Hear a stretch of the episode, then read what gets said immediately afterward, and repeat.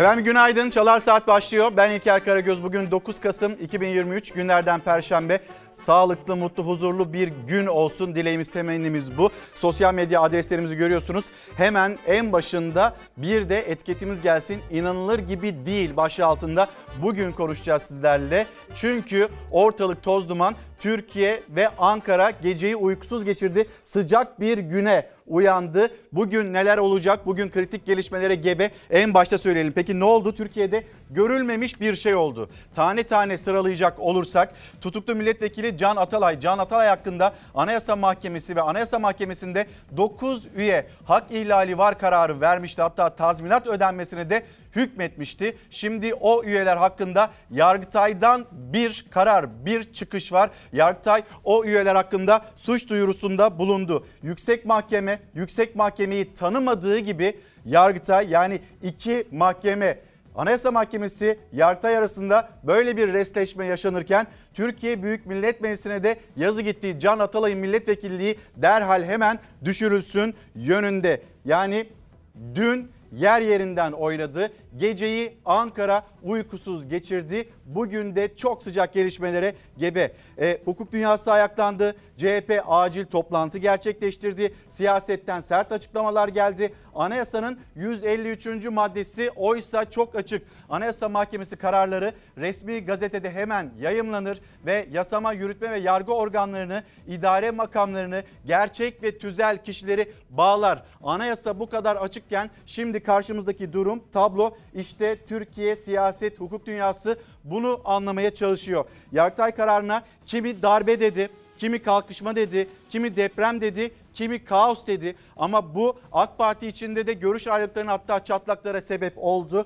Ee, ve AK Parti Genel Başkan Yardımcısı Hayati Yazıcı olmaz derken Beştepe savundu hatta kararı övdü. Bakalım Hayati Yazıcı ne söyledi? AK Parti'nin Genel Başkan Yardımcısı hiç olmaması gereken olaylar yaşandığına dikkat çekiyor. Yazık çok yazık dedi. Cumhurbaşkanı Başdanışmanı Mehmet Uçumsa Yargıtay'a tam destek verdi. Suç duyurusunu cesareti tartışılmaz sözleriyle savundu hatta övdü. Şimdi hemen Yargıtay'ın Anayasa Mahkemesi'nin üyeleri 9 üyesi hakkında suç duyurusunda bulunması o haber gelsin ortalık toz duman inanılır gibi değil. Hatay, Şerafettin Can Atalay. Türkiye tarihinde bir ilk yaşandı. Seçilmiş milletvekili Can Atalay'ın tahliye edilip meclise gelmesi konusunda Anayasa Mahkemesi hak ihlali kararı verdi. Yargıtay dokunulmazlığı ve tahliyesini reddetmekle kalmadı.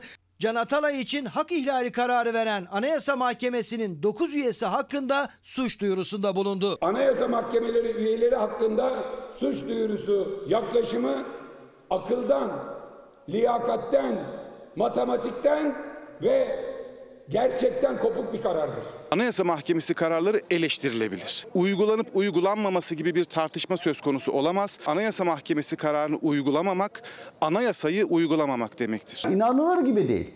Türkiye'de bundan sonra bu işin nereye gideceğini artık tahayyül edemiyoruz. Can Atalay kararı için gözler Yargıtay 3. dairesindeydi. Dairenin Anayasa Mahkemesi üyeleri hakkında attığı adım şok etkisi yarattı. Yargıtay 3. dairesi Anayasa Mahkemesi'nin Can Atalay kararı veren üyeleri anayasa hükümlerini ihlal etti dedi. Yetki sınırlarını yasal olmayacak şekilde aştıkları gerekçesiyle hak ihlali kararı veren üyeleri hakkında gereğinin yapılmasını istedi. Yargıtay Cumhuriyet Başsavcılığına suç duyurusunda bulundu. Anayasa Mahkemesi kararı 9'a 5 almış bir de çekimser var. Katılan 5 üye, katılmayan 10 üyenin yargılanmasına. Azınlığın çoğunluğu hem de toplantı yeter sayıları olmaksızın yargılamalarına karar verecek.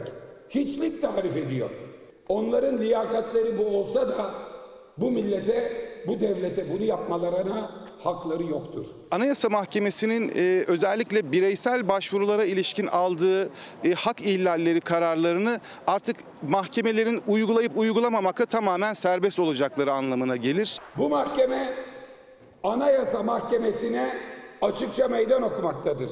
Yargıtay 3. Ceza Dairesi Can Atalay'ın milletvekilliğinin düşürülmesi için de kararının bir örneğini meclis başkanlığına gönderdi. suç işliyorsunuz, suç işliyorsunuz, suç işliyorsunuz. Anayasa Mahkemesi 25 Ekim'de Can Atalay'ın tahliye edilmesini söyleyerek hak ihlali kararı verdi. Seçilme hakkı, kişi hürriyeti ve güvenliği hakkı ihlal edilmiştir dedi. Kararını 13. Ağır Ceza'ya gönderdi. Yerel mahkeme ise daha önce Can Atalay'ın Gezi davasından 18 yıllık cezasını kesinleştiren Yargıtay'a attı topu. Yargıtay 3. Dairesi'nin kararı ise Ankara'yı sarstı. Çünkü Anayasa Mahkemesi kararını tanımamakla kalmadı. İhlal var diyenler hakkında suç duyurusunda bulunarak Türkiye yargı tarihinde bir ilke imza attı. Belli ki bir kurguya dayalı olarak birinci mahkeme bu konuyu Yargıtay'a taşımış ve Yargıtay 3. Dairesi bu akşam hukuk devletine doğrudan müdahale, doğrudan darbe niteliğinde bir karar alarak Anayasa Mahkemesi üyeleri hakkında suç duyurusuna bulunmuştur. Çok çarpıcı, çok sert açıklamalar var ve Cumhuriyet Halk Partisi'nin yeni genel başkanı Çiçeği Burnu'nda genel başkanı Özgür Özel dün akşam partisiyle ilk grup toplantısını yaptı. Kapalı kapıların ardında yapılan bir grup toplantısıydı. Acil koduyla Cumhuriyet Halk Partisi milletvekilleri hemen Türkiye Büyük Millet Meclisi'ne çağrıldı. Anayasal düzene karşı kalkışma girişimidir bu. Yargıtay'ın bu hamlesi AYM üyeleri hakkında verilmiş olan suç duyurusu yöndeki atılmış olan suç duyurusu yöndeki adım kalkışma girişimidir dedi. MHP ile AK Parti arasında yaşandığını da bu krizin MHP AK Parti arasında yaşandığını da söyledi. Halkı bu kalkışmayı bastırmaya davet ediyoruz açıklaması yaptı. Peki Türkiye Barolar Birliği, Barolar Birliği'nden de çok sert bir açıklama var. Hemen onu da paylaşalım sizlerle e, Yargıtay 3. Ceza Dairesi'nin Anayasa Mahkemesi'nin Can Atalay başvurusunda verdiği ihlal kararı üzerine bugün aldığı yani dün almış olduğu uyumama ve Anayasa Mahkemesi üyeleri hakkında suç duyurusunda bulunması şeklindeki kararı anayasal düzeni değiştirme, anayasal düzene baş kaldırıdır değerlendirmesini yapıyor. Savunma makamı Türkiye Barolar Birliği ve birliğimiz tarafından anayasal düzeni yok sayan ilgili Yargıtay daire üyeleri bakımından görevden el çektirmeye davet yaptırımının uygulanması için Yargıtay Yüksek Disiplin Kurulu'na bugün itibariyle gerektiği başvuru yapılacaktır. Ankara toz duman, uykusuz bir gece geride kaldı ve yeni gün yepyeni e, açıklamalarla ve sımsıcak açıklamalarla devam edecek. Gördüğümüz, anladığımız bu. Şimdi bu konuyu konuşacağız. Hatta Türkiye Barolar Birliği Başkanı Erinç Sakan Çalar Saati olacak. Nedir bu konunun içeriği? Barolar Birliği ne yapacak? Savunma makamı ne yapacak? Ee, Ankara nasıl bir tepki gösterecek? Kendisine soracağız. Hukuki olarak değerlendirilecek bir tarafı yok diyor Erinç Sakan. Peki bundan sonra ne olacak? İnanılır gibi değil. Böyle bir sürecin içindeyiz. Bugünkü başlığımızda o zaten inanılır gibi değil. Şimdi yargıda deprem yaşanırken deprem bölgesine gideceğiz. Hatay'a gideceğiz. Hatay'da 4,8 büyüklüğünde bir deprem yaşandı. O depremin notlarını paylaşacağız. Bayağı sallandık yani ama fazla uzun sürmedi. Kısa sürdü. Endişeli bir şekilde apar topar kaçtık vallahi dışarıya. Acı da korkular da taptaze en hafif bir sallantı bile o kara günün travmasını canlı tutuyor zihinlerde. Merkez üssü Hatay Kırıkan, çevre illerde de hissedilen depremin büyüklüğü 4,8. Allah sonumuzu hayretsin. Yine deprem oldu. 4.8 tahminleyecek Kırkan merkezi. Sabaha karşı meydana gelen deprem korku yarattı. Binalarda oturanlar sokağa çıktı. Konteyner kentlerde de insanlar uykusuzdu. Baya bir sarsıldı. Sesler falan geldi. Baya bir ilk gibi yani. O anı hatırladım bir anda. AFAD 4,8, Kandilli Rasathanesi 4,9 olarak ölçtü depremi. Çevre illerde de hissedildi. Yerin 8 kilometre derinliğinde meydana gelen depremin sarsıntısı kameralardaydı. Saat 5.30'du galiba. Çok şiddetli bir şekilde uyandık.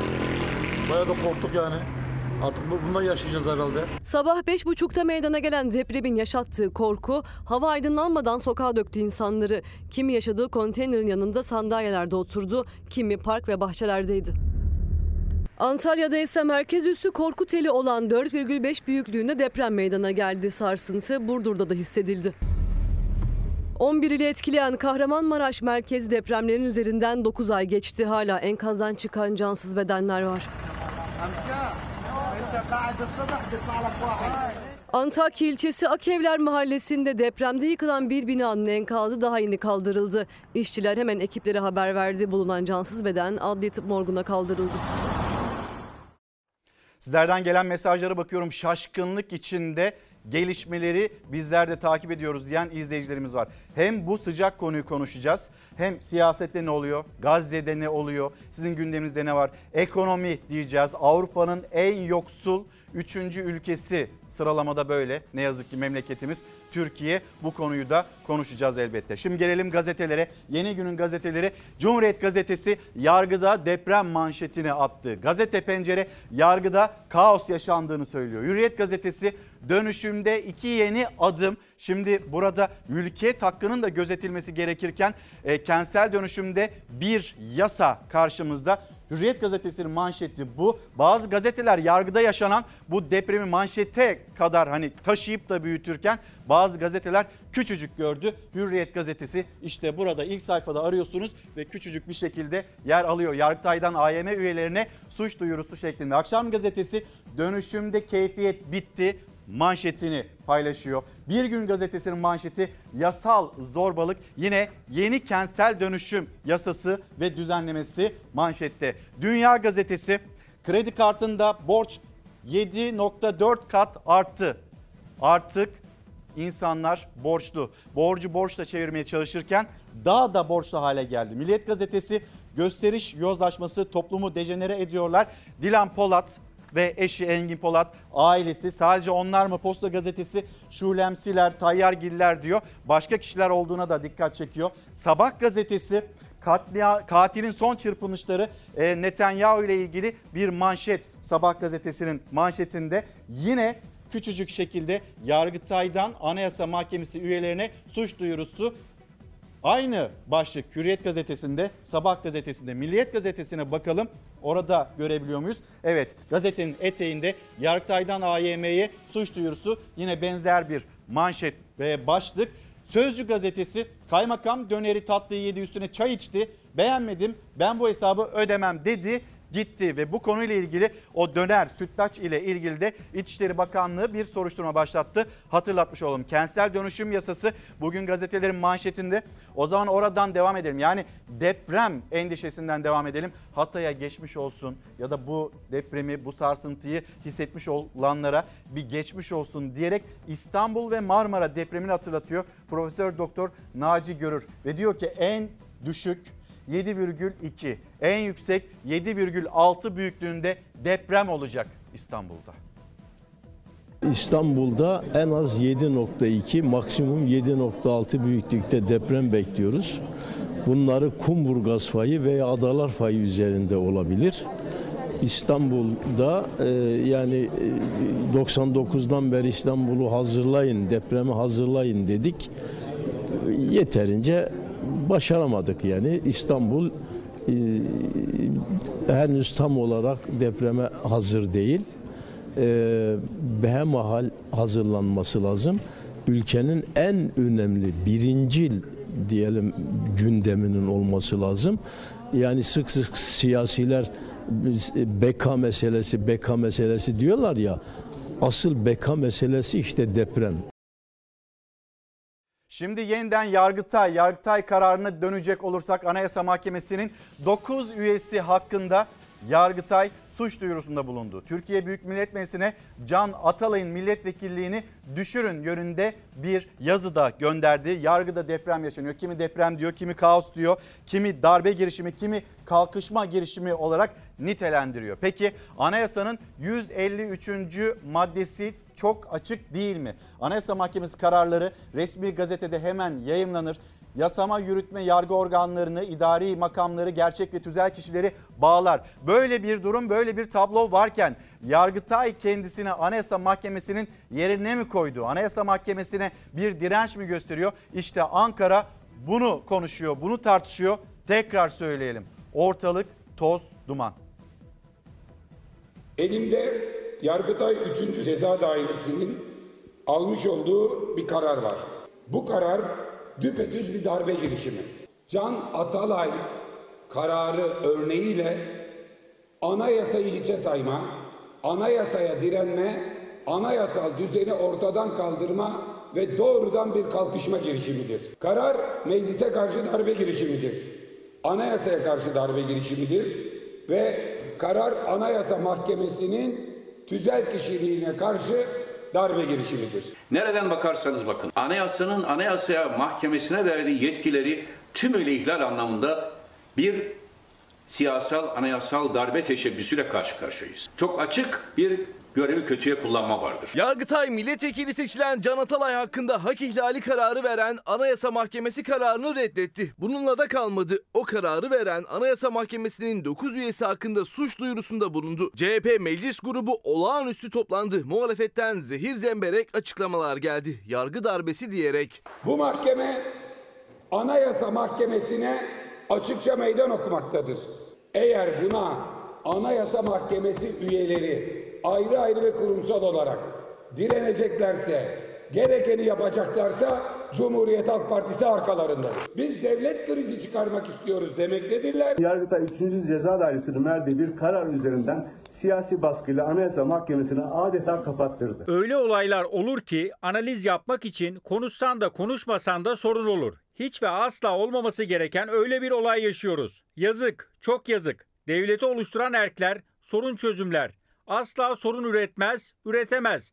Birbirini çelmeleyemez. Sadece muhalefette değil AK Parti'den de karara eleştiriler yükseldi. AK Parti Genel Başkan Yardımcısı Hayati Yazıcı devleti oluşturan erkler sorun üretmez, üretemez dedi. AK Partili Şamil Tayyar ise Yargıtay'ın kararı hukuki değildir dedi. Suç duyurusu için garabet ifadesini kullandı. Anayasa Mahkemesi'nin kararını eleştirmek, yanlış bulmak ayrı, karara uymamak ayrıdır. Eleştirilebilir, yanlış bulabilirsiniz ama uymamazlık edemezsiniz. Anayasa hükmü açık, karar bağlayıcıdır. Yargıtay 3. Ceza Dairesi'nin Anayasa Mahkemesi kararına uymama iradesi hukuki değildir. Anayasa Mahkemesi üyeleri hakkındaki suç duyurusuysa garabettir. Yargı eliyle hortlatılan bu tür hukuk dışı uygulamalar askeri vesayet dönemini hatırlatıyor. Çok üzücü. Şimdi kürsüde şunu söylüyorum. Bu darbeye kim direnirse arkasında Cumhuriyet Halk Partisi'ni bulacaktır. Geçmiş dönemki birkaç kötü kararı bekleyenler Numan Kurtulmuş'a ayar veriyorlar. Numan Kurtulmuş direnecekse arkasında Cumhuriyet Halk Partisi'ni bulacaktır.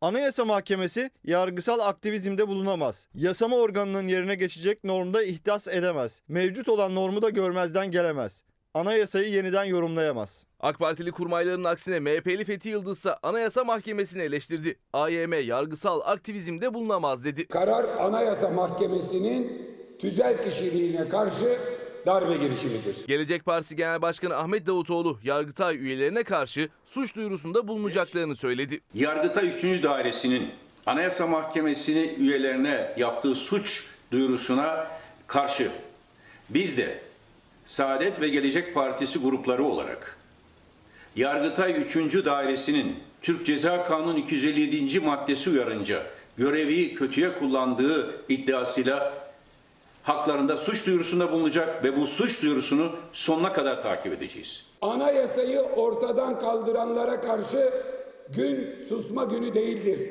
Tarih susanları da yazacaktır, direnenleri de yazacaktır. Ankara'da restleşmeler, Ankara'da karşılıklı suç duyuruları, suç duyuruları havada uçuyor. Ve Cumhuriyet Halk Partisi'nin çiçeği burnunda Genel Başkanı Özgür Özel ilk mesaisi yargı kriziyle başladı. Dün gece kapalı bir grup toplantısı ardından da kameraları karşısına geçti. Bu açıklamaları yaptı. Bu karar Anayasa Mahkemesi ve meclise karşı darbe girişimidir dedi Özgür Özel. Şimdi 13 yıl sonra Cumhuriyet Halk Partisi'ndeki devir teslim törenine bakacağız ve Burada Kemal Kılıçdaroğlu dedi ki Sayın Genel Başkanım hayırlı ol, olsun ve daha ayrı yazılır. Bazen Kılıçdaroğlu 13 yıl sonra Cumhuriyet Halk Partisi'ne makamına personele veda etti. Efendim bir önünüzü açın efendim. Ben yeni e, genel başkanımızı hepimiz saygıyla selamlıyoruz. E, ona yürekten başarılar diliyoruz. Başarılı olması için de hepimiz elimizden gelen çabayı göstereceğiz. Ben tekrar kendisine hayırlı uğurlu. E, dolayısıyla e, genel başkanımızın e, bundan sonra vereceği mücadelede hep yanında olmakta her bir Cumhuriyet Halk Parti olarak hepimizin ortak görevi. Bu ortak görevimizi e, güzel bir şekilde yerine getirmeye de özen göstereceğiz. Tekrar Teşekkür ederim efendim. Sayın Genel Başkanımızın Bu odada olan herkese emeği var. En çok da bana emeği var. Bütün dünya siyaset tarihi adalet yürüyüşünü ve Kemal Kılıçdaroğlu'nu ancak bundan sonraki yüzyıllarda da bundan sonraki süreçte takıldığımız her yerde, zorlandığımız her yerde kendisinin bilgisine, birikimine, deneyimine başvuracağız.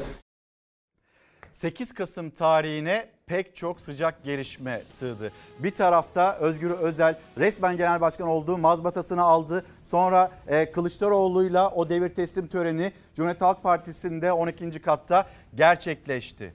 Sonra akşam saatlerinde e, Yargıtay'ın almış olduğu bir karar, bir suç duyurusunda bulunma, Anayasa Mahkemesi'nin 9 üyesi hakkında suç duyurusunda bulunma. Gazetelerin manşetleri onu da konuşmamız gerekiyor. Gazetelerin manşetlerine baktığımızda yeni kentsel dönüşüm yasası var. Peki bu kentsel dönüşüm yasası ne getirecek ne götürecek? Hemen onu bir kez daha paylaşalım. Ee, dönüşümde iki yeni adım Hürriyet Gazetesi büyüterek paylaşalım. Çünkü bu meseleyi merak eden izleyicilerimiz var. Önümüzdeki günlerde belki de evinin e, yenilenmesi gerekenler var ama nasıl bir süreçle ilerlenecek bilmeniz gerekiyor. Bir, ev sahibi kapıyı açmazsa devlet içeri zorla girip risk testi, yaptır, testi yaptıracak. İki, dar gelirlinin kentsel dönüşüm masraflarını devlet ödeyecek ve eve ortak olacak. İlk dönüşümdeki iki yeni adım böyle nitelendiriliyor Hürriyet gazetesinde. Gelelim şimdi Akşam gazetesine. Nasıl paylaşıyor okurlarıyla Akşam gazetesi? Dönüşümde keyfiyet bitti. Kentsel dönüşümün önündeki engeller Türkiye Büyük Millet Meclisi'nde kabul edilen yasayla kalktı. Artık dönüşüm kararı için 3'te 2 çoğunluk aranmayacak. Numune alma ve tahliye engellenirse polis devreye girecek. E o zaman diyor Bir Gün gazetesi de burada şöyle bir durum olmayacak mı? Yasal bir zorbalık karşımıza çıkmayacak mı? Bir endişe Bir Gün gazetesinin manşetinde hemen ona da bakalım. Gözünü İstanbul'a diken iktidar mülkiyet gaspını yasalaştırdı. Rant peşindeki iktidarın kentsel dönüşüme yönelik tartışmalı teklifi Türkiye Büyük Millet Meclisi'nde kabul edildi. Şimdi salt çoğunluk aranacak. 50 artı 1 bulunursa şayet işte burada e, kentsel dönüşümle ilgili adım atılabilecek. Ama endişe şu bu dönüşüm kentsel mi olacak rantsal mı olacak? Çok mağdur oldu. Bir malikle uzlaşmak için bir yıl beklediğimiz oldu bizim. Burada bu süreçler biraz daha hızlanacak. Kentsel dönüşüm yasası meclisten geçti. Dönüşümü binadakilerin üçte ikisinin kabul etmesi gerekiyordu. Çoğunluk şartı %50 artı 1'e düşürüldü. Bu dönüşüm kentsel mi yoksa rantsal mı? İşte bu çıkmazda yıllar geçti ve İstanbul bir türlü dönüşemedi. Mevcut yasaya göre bir yapının dönüşebilmesi için en az 3'te 2'lik bir rıza gerekiyordu. Artık salt çoğunluk yeterli olacak. Saat çoğunluk onay verirse biz tabii ki süreçleri çok daha hızlı ilerletiriz. Ama bir yapının yıkmak için herhangi bir malik riskli yapı tespiti yaptırırsa o yapıyı yıktırırdı zaten. Riskli bulunan yapılar yıkılacak. Yerine yenisi içinse artık uzlaşı daha kolay sağlanacak. En büyük düğümse kentsel dönüşümün maliyeti. Yeni yasada maliyete ilişkin yeni bir destek yer almadı.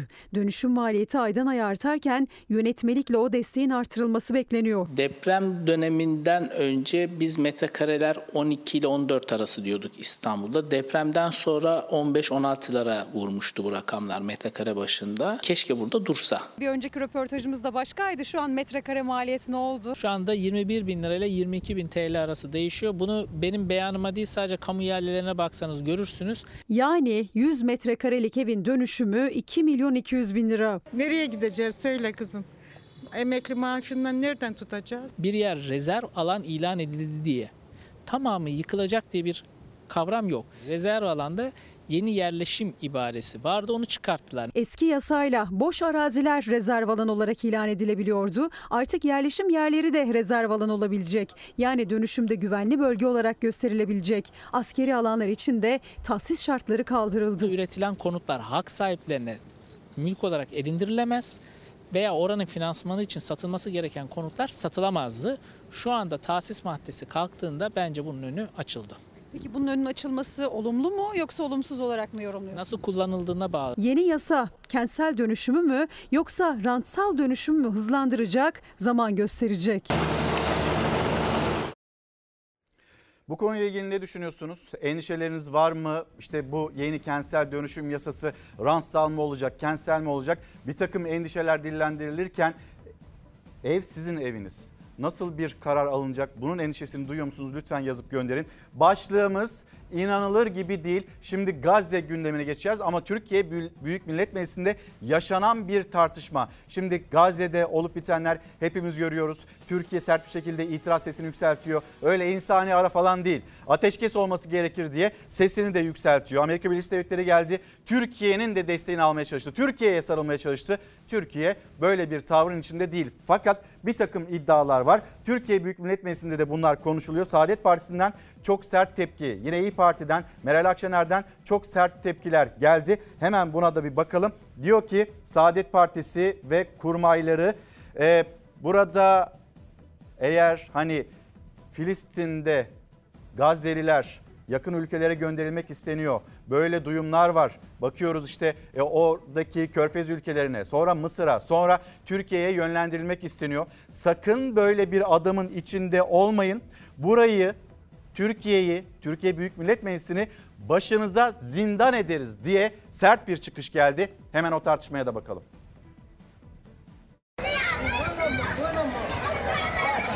Gerekçesi ne olursa olsun hiçbir Filistinlinin Türkiye'ye gelmesine vesile olmayın ya da neden olmayın. Dediğini yapacağız. Bunu sakın yapmayın. Arkadaşlar ne söylüyorum? Burayı başınıza zindan ederiz. Filistinliler Gazze'den İsrail tanklarının gölgesinde göçe zorlanırken Ankara'da mecliste tartışması koptu. İktidar ve muhalefet karşı karşıya geldi. Bu bir milliyet bakan meselesidir.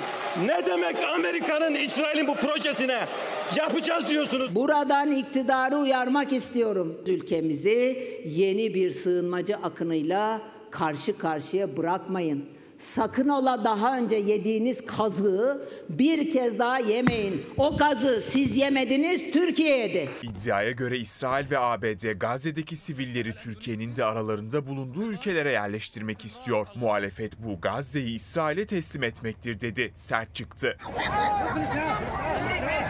Sakın ola ABD'nin sivilleri çıkartma planının oyuncağı olmayın. Gazze'den o insanları çıkardığınızda bir daha oraya döndüremezsiniz.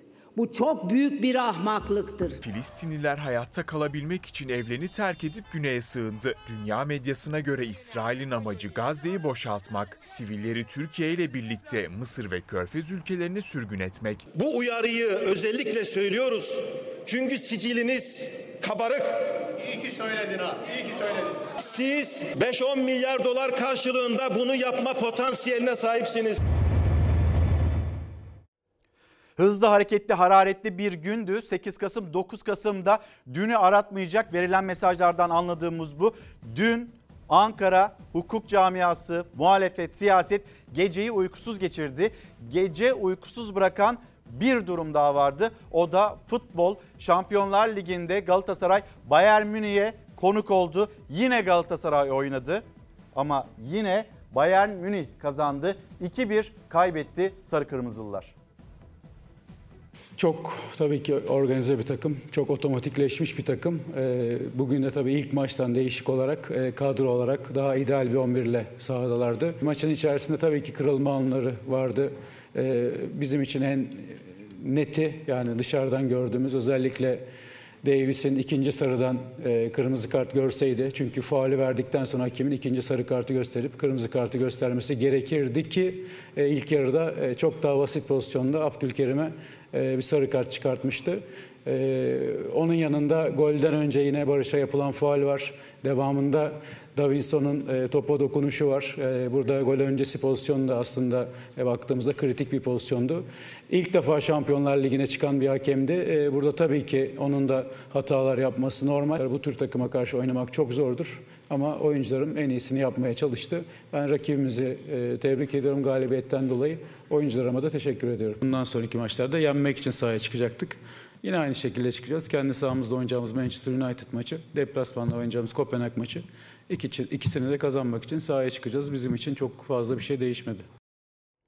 Bugün de Konfederasyon Kupası e, mücadelelerinde Fenerbahçe ve Beşiktaş onlar da e, karşılaşma da olacaklar. Maçları var. Fenerbahçe 6 eksikle Luda Gorets karşısında olacak. Beşiktaş'ın misafiri de Boda Glimt takımları. E, onlardan galibiyet bekliyoruz Avrupa sahnesinde. Şimdi inanılmaz e, ve yoğun bir haber koşturmacası gelen kitaplar var. Onları da göstereyim. Belki hani fırsatımız olmaz. Dillendiremediğim Elveda Murat Yıldız'ın kitabı hemen göstereyim paylaşalım. Az sonra reklamlara gireceğiz. Gökçeada'da 3 mevsim Mehmet Niyazi Köse'nin kitabı. Bir kitap daha adı Adolya İsmet Büyük Bayraktar. Paylaşayım 23 yıllık deneyim ve sektörde yaşananlarla birlikte estetik ve güzellik sektörünün ilk ve tek kitabı deniliyor bu kitaba dair. Bir kitabım daha var onu da birazdan paylaşırım. Hızlı bir şekilde reklamlar, konuşacağımız, anlatacağımız, paylaşacağımız pek çok haber var. Hızlıca döneceğiz. Başlığımız inanılır gibi değil. Günaydın. Devam ediyoruz. İnanılır gibi değil başlığı altında konuşuyoruz. Yargı dünyasında kelimenin tam anlamıyla bir resleşme, bir kriz, bir e, siyasetin değerlendirmelerine göre darbe girişimi yaşanıyor. Ne oluyor, ne bitiyor? Yargıdaki deprem bunu konuşacağız. Bir son dakika gelişmesi hemen bir paylaşalım. E, İçişleri Bakanı Ali Yerlikaya ee, yine sosyal medyasından yeni güne dair yapılmış, gerçekleştirilmiş olan bir operasyonun bilgisini verdi. Bu operasyonun adı Narko Güç Operasyonu. Örgüt liderliğini yabancı uyruklu Jamukan Ulus'un yaptığı zehir taciriyle birlikte 210 şüpheli şahıs yakalandı. Ankara merkezli 32 ilde düzenlendi bu operasyon ve diyor ki İçişleri Bakanı nefeslerini keseceğiz. Pek çok e, yine bu operasyona, bu harekata pek çok polis de katıldı. O 42 özel harekat unsuru, 2 helikopter, 1 İHA, 29 narkotik dedektör köpeğiyle bu operasyon gerçekleşti. 680 ekip, 2294 personel, 353 adrese eş zamanlı bu operasyonu gerçekleştirdi. Tekrar söyleyelim 210 şüpheli şahıs yakalandı. Örgütün yönetici ağ çökertildi diyor İçişleri Bakanı. Şimdi gelelim ortalık toz duman yargı camiasında neler yaşanıyor? Deprem olarak adlandırılıyor ama bir taraftan da AK Parti içinde de çatlak yaratırken Beştepe'den Yargıtay'ın atmış olduğu adım, almış olduğu karar Anayasa Mahkemesi'nin 9 üyesi hakkındaki suç duyurusunu cesurca bir adım olarak değerlendirenler var. Bakalım Yargıtay Anayasa Mahkemesi'nin Can Atalay hakkında verdiği hak ihlali kararını tanımamakta kalmadı. Yetkisini aştığına hükmetti. Meclisten Atalay'ın milletvekilliğinin düşürülmesi için de harekete geçmesini istedi. Şimdi bir başka bilgi anayasanın 153. maddesi çok açık ve buna vurgu yapıyor. Hukuk dünyası, savunma makamı yine e, Barolar Birliği Anayasa Mahkemesi kararları resmi gazetede hemen yayınlanır ve yasama yürütme ve yargı organlarını, idari makamları, gerçek ve tüzel kişileri bağlar. Nasıl oluyor da Yargıtay kendisini Anayasa Mahkemesi'nin önüne koyuyor ya da üzerine koyuyor? Tartışma bu. Anayasal düzene baş kaldırı diyor. Türkiye Barolar Birliği ve bakalım neler söylüyorlar.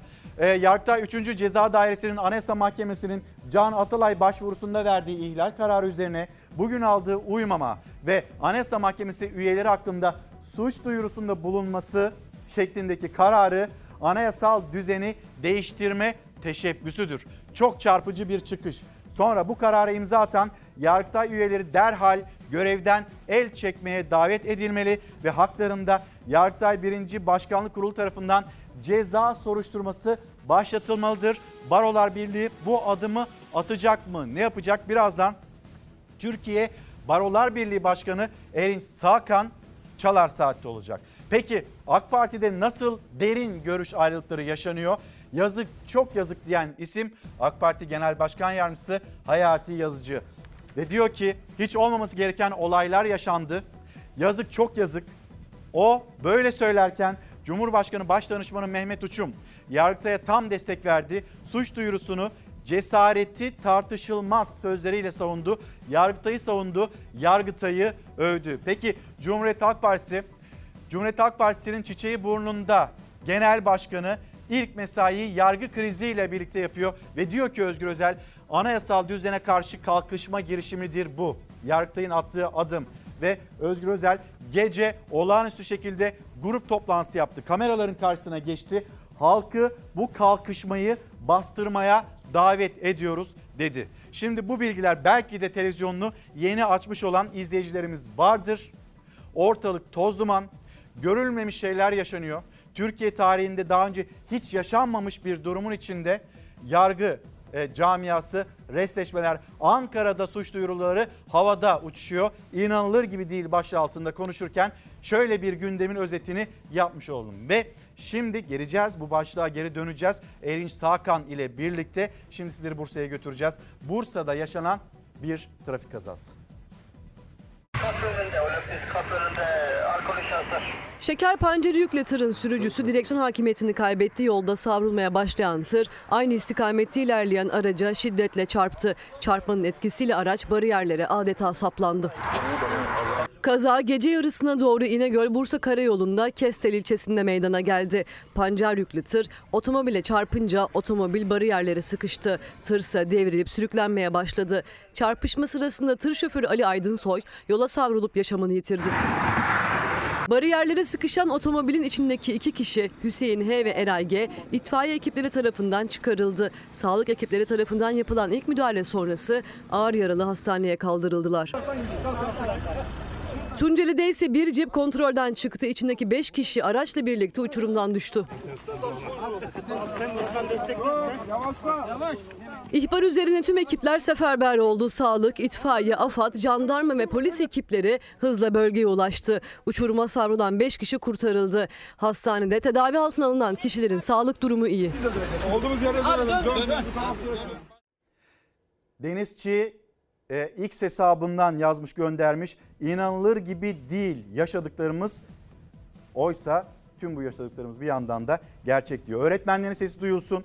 E, mülakat değil liyakat istiyoruz. Bir başka mesajdı. Şimdiden bunu da paylaşmış olalım. Yine bu kez de İstanbul'dan bir haberle devam edeceğiz. Belediye otobüsünde e, yangın çıktı. Yolcular kendisini dışarıya zor attı.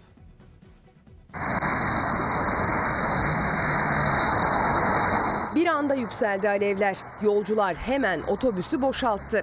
İETT otobüsünün cayır cayır yandığı anları cep telefonu kameraları kaydetti.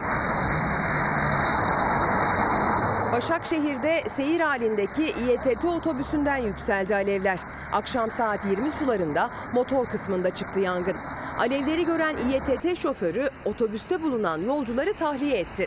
İhbar üzerine olay yerine polis, sağlık ve itfaiye ekipleri sevk edildi. İki telli organize sanayi bölgesinde bulunan otobüs durağının önünde çıktı yangın. Sebebi belirlenemeyen alevler kısa sürede otobüsün tamamını sardı. Yangında ölen ya da yaralanan olmazken otobüs kullanılamaz hale geldi.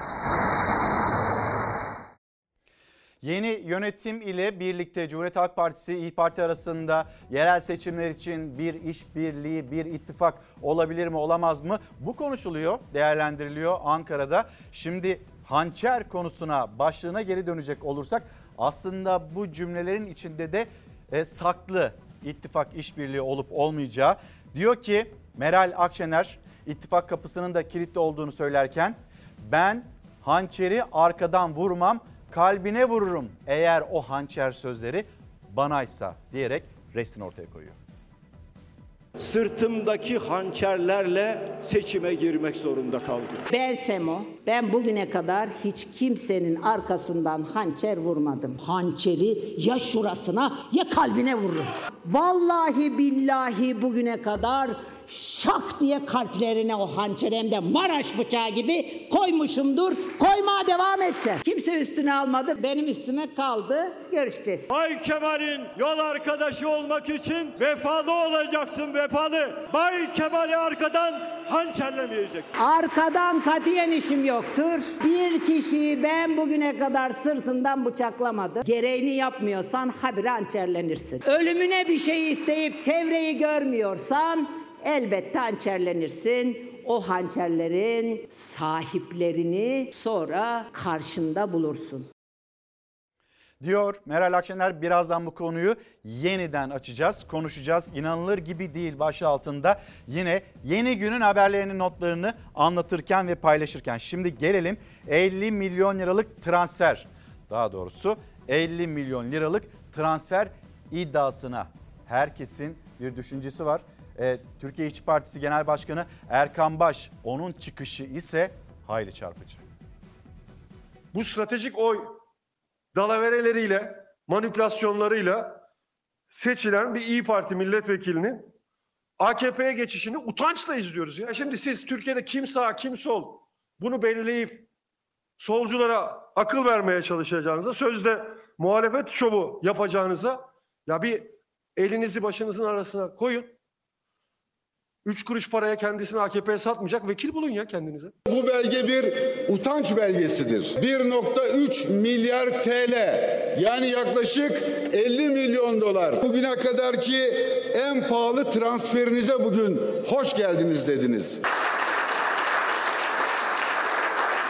İyi Parti'den 2 Kasım'da istifa edip 5 gün sonra AK Parti saflarına katılan Eskişehir Milletvekili Nebi Hatipoğlu bu transferden 2 hafta önce şirketine sağlanan milyar liralık teşvik iddiasıyla İyi Parti AK Parti hattını ısıttı. Bunu %25 artırılması 10. ayın 25'inde onaylanmıştır. Ne pazarlık, ne başka hesap kitap.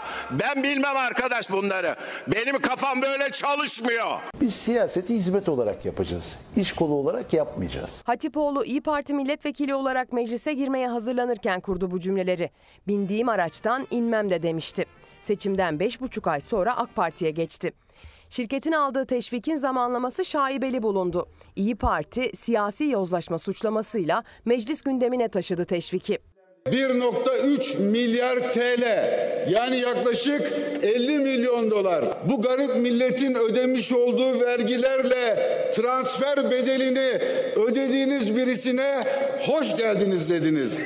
Bu durum siyaseti yozlaştırmanızı büyük Türk milletinin takdirine bırakıyor. Yazıklar olsun diyorum. Sayın Hasan Toktaş konuşmanız tam bir cehalet örneği. Bu teşvikler bölgeye ve yatırıma göre standarttır. Yatırımların aldığı bu teşvik nakit parayla da ödenmez. Yıllar içerisinde sağlanan vergi kolaylığıdır. Zaten bizim aldığımız teşvikin de onaylanması 24 Mart 2023 tarihlidir. Bizim ifadelerimizi doğrulamış oldu kendisi. O kendisi 3. ay diye bahsediyor da 10. ayın 25'inde onaylanıyor. Dün AK Parti'ye katılıyor. Bunu ben söylemiyorum. Devletin evrakları bunlar. Eskişehir Milletvekili Hatipoğlu teşviki doğruladı. Zamanlamasına itiraz etti. Nakit değil vergi kolaylığı dedi.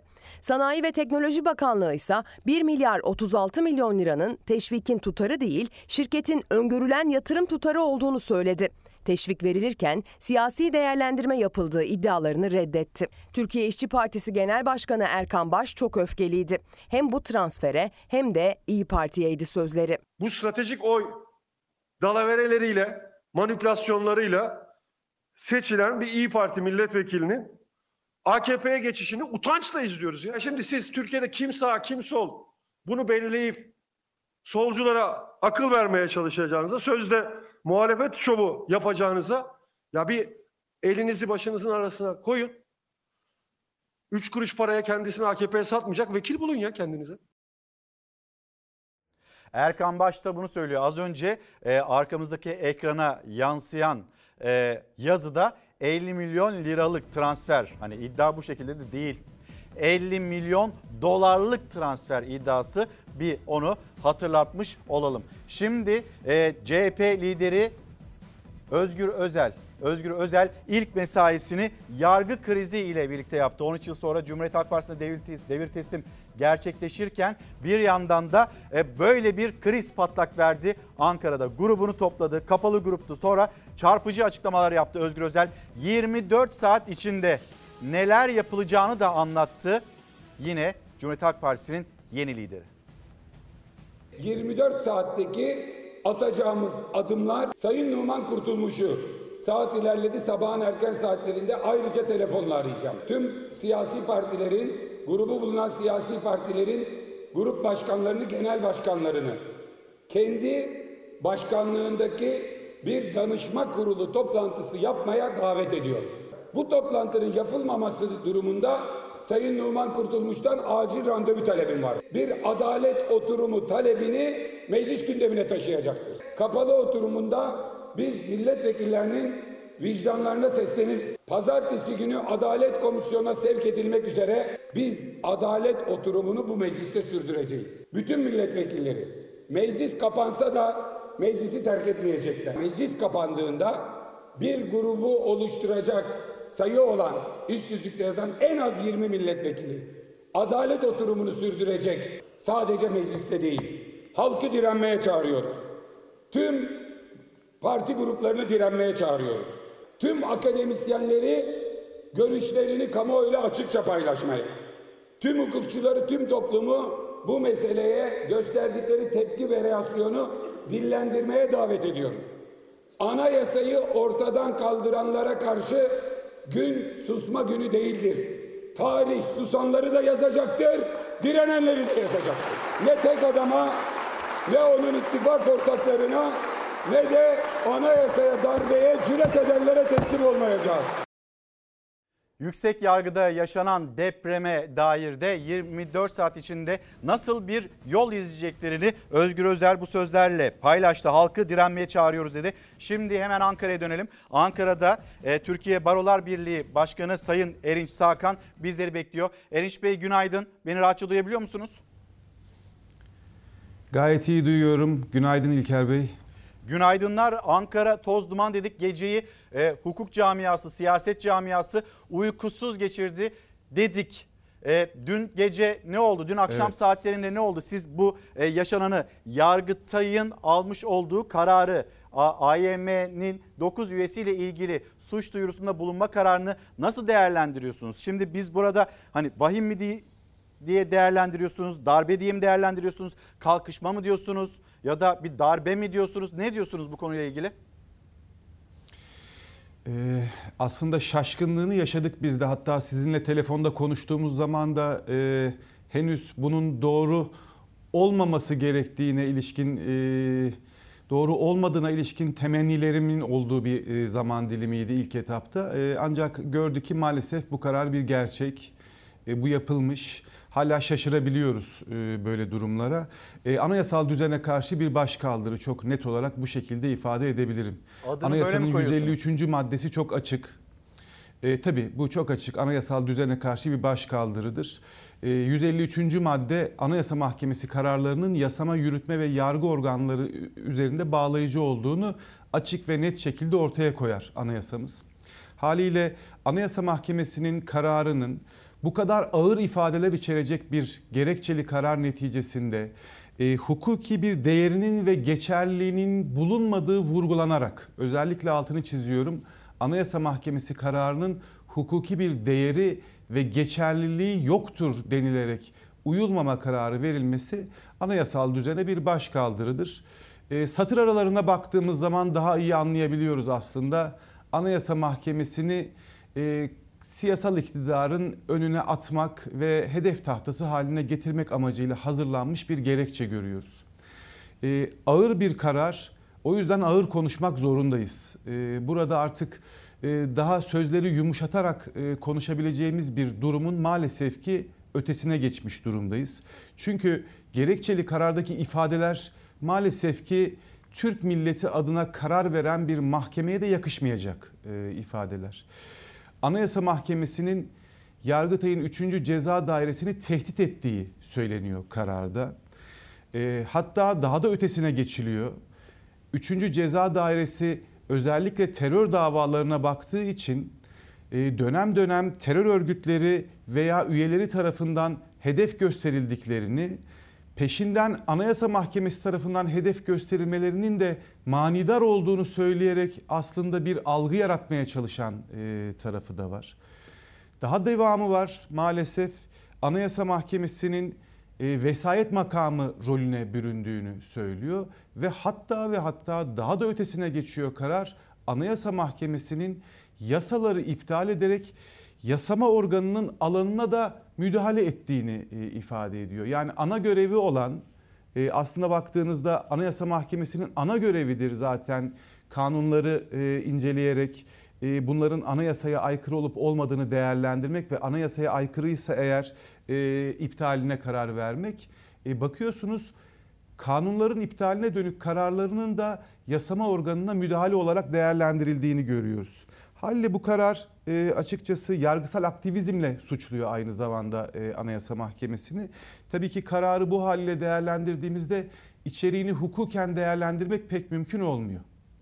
Bu şekilde e, ö- özetleyebilirim size. Peki e, anayasanın 153. maddesi çok açık değil mi? Bu yorum farkı nasıl böyle ortaya çıkabiliyor? Şimdi AYM vesayet makamı gibi davranıyor. Hani siz buna dikkat çektiniz. Bir yandan da AYM yargısal aktivizm yapmaktadır. Demek ne demek? Tabii e, aslında baktığımızda şunu ifade edebilirim. E, Son 5-6 yıldır özellikle e, Anayasa Mahkemesi'nin kararlarıyla yüksek yargı kararlarının dönem dönem çeliştiğini ve bu çelişmeden kaynaklı olarak da e, Yargıtay'ın ve Yüksek Yargı'nın dönem dönem e, Anayasa Mahkemesi'ni e, alanını aşmakla, süper temiz mahkemesine dönüşmekle suçladığını görüyoruz. Bu ilk defa e, olan bir konu değil.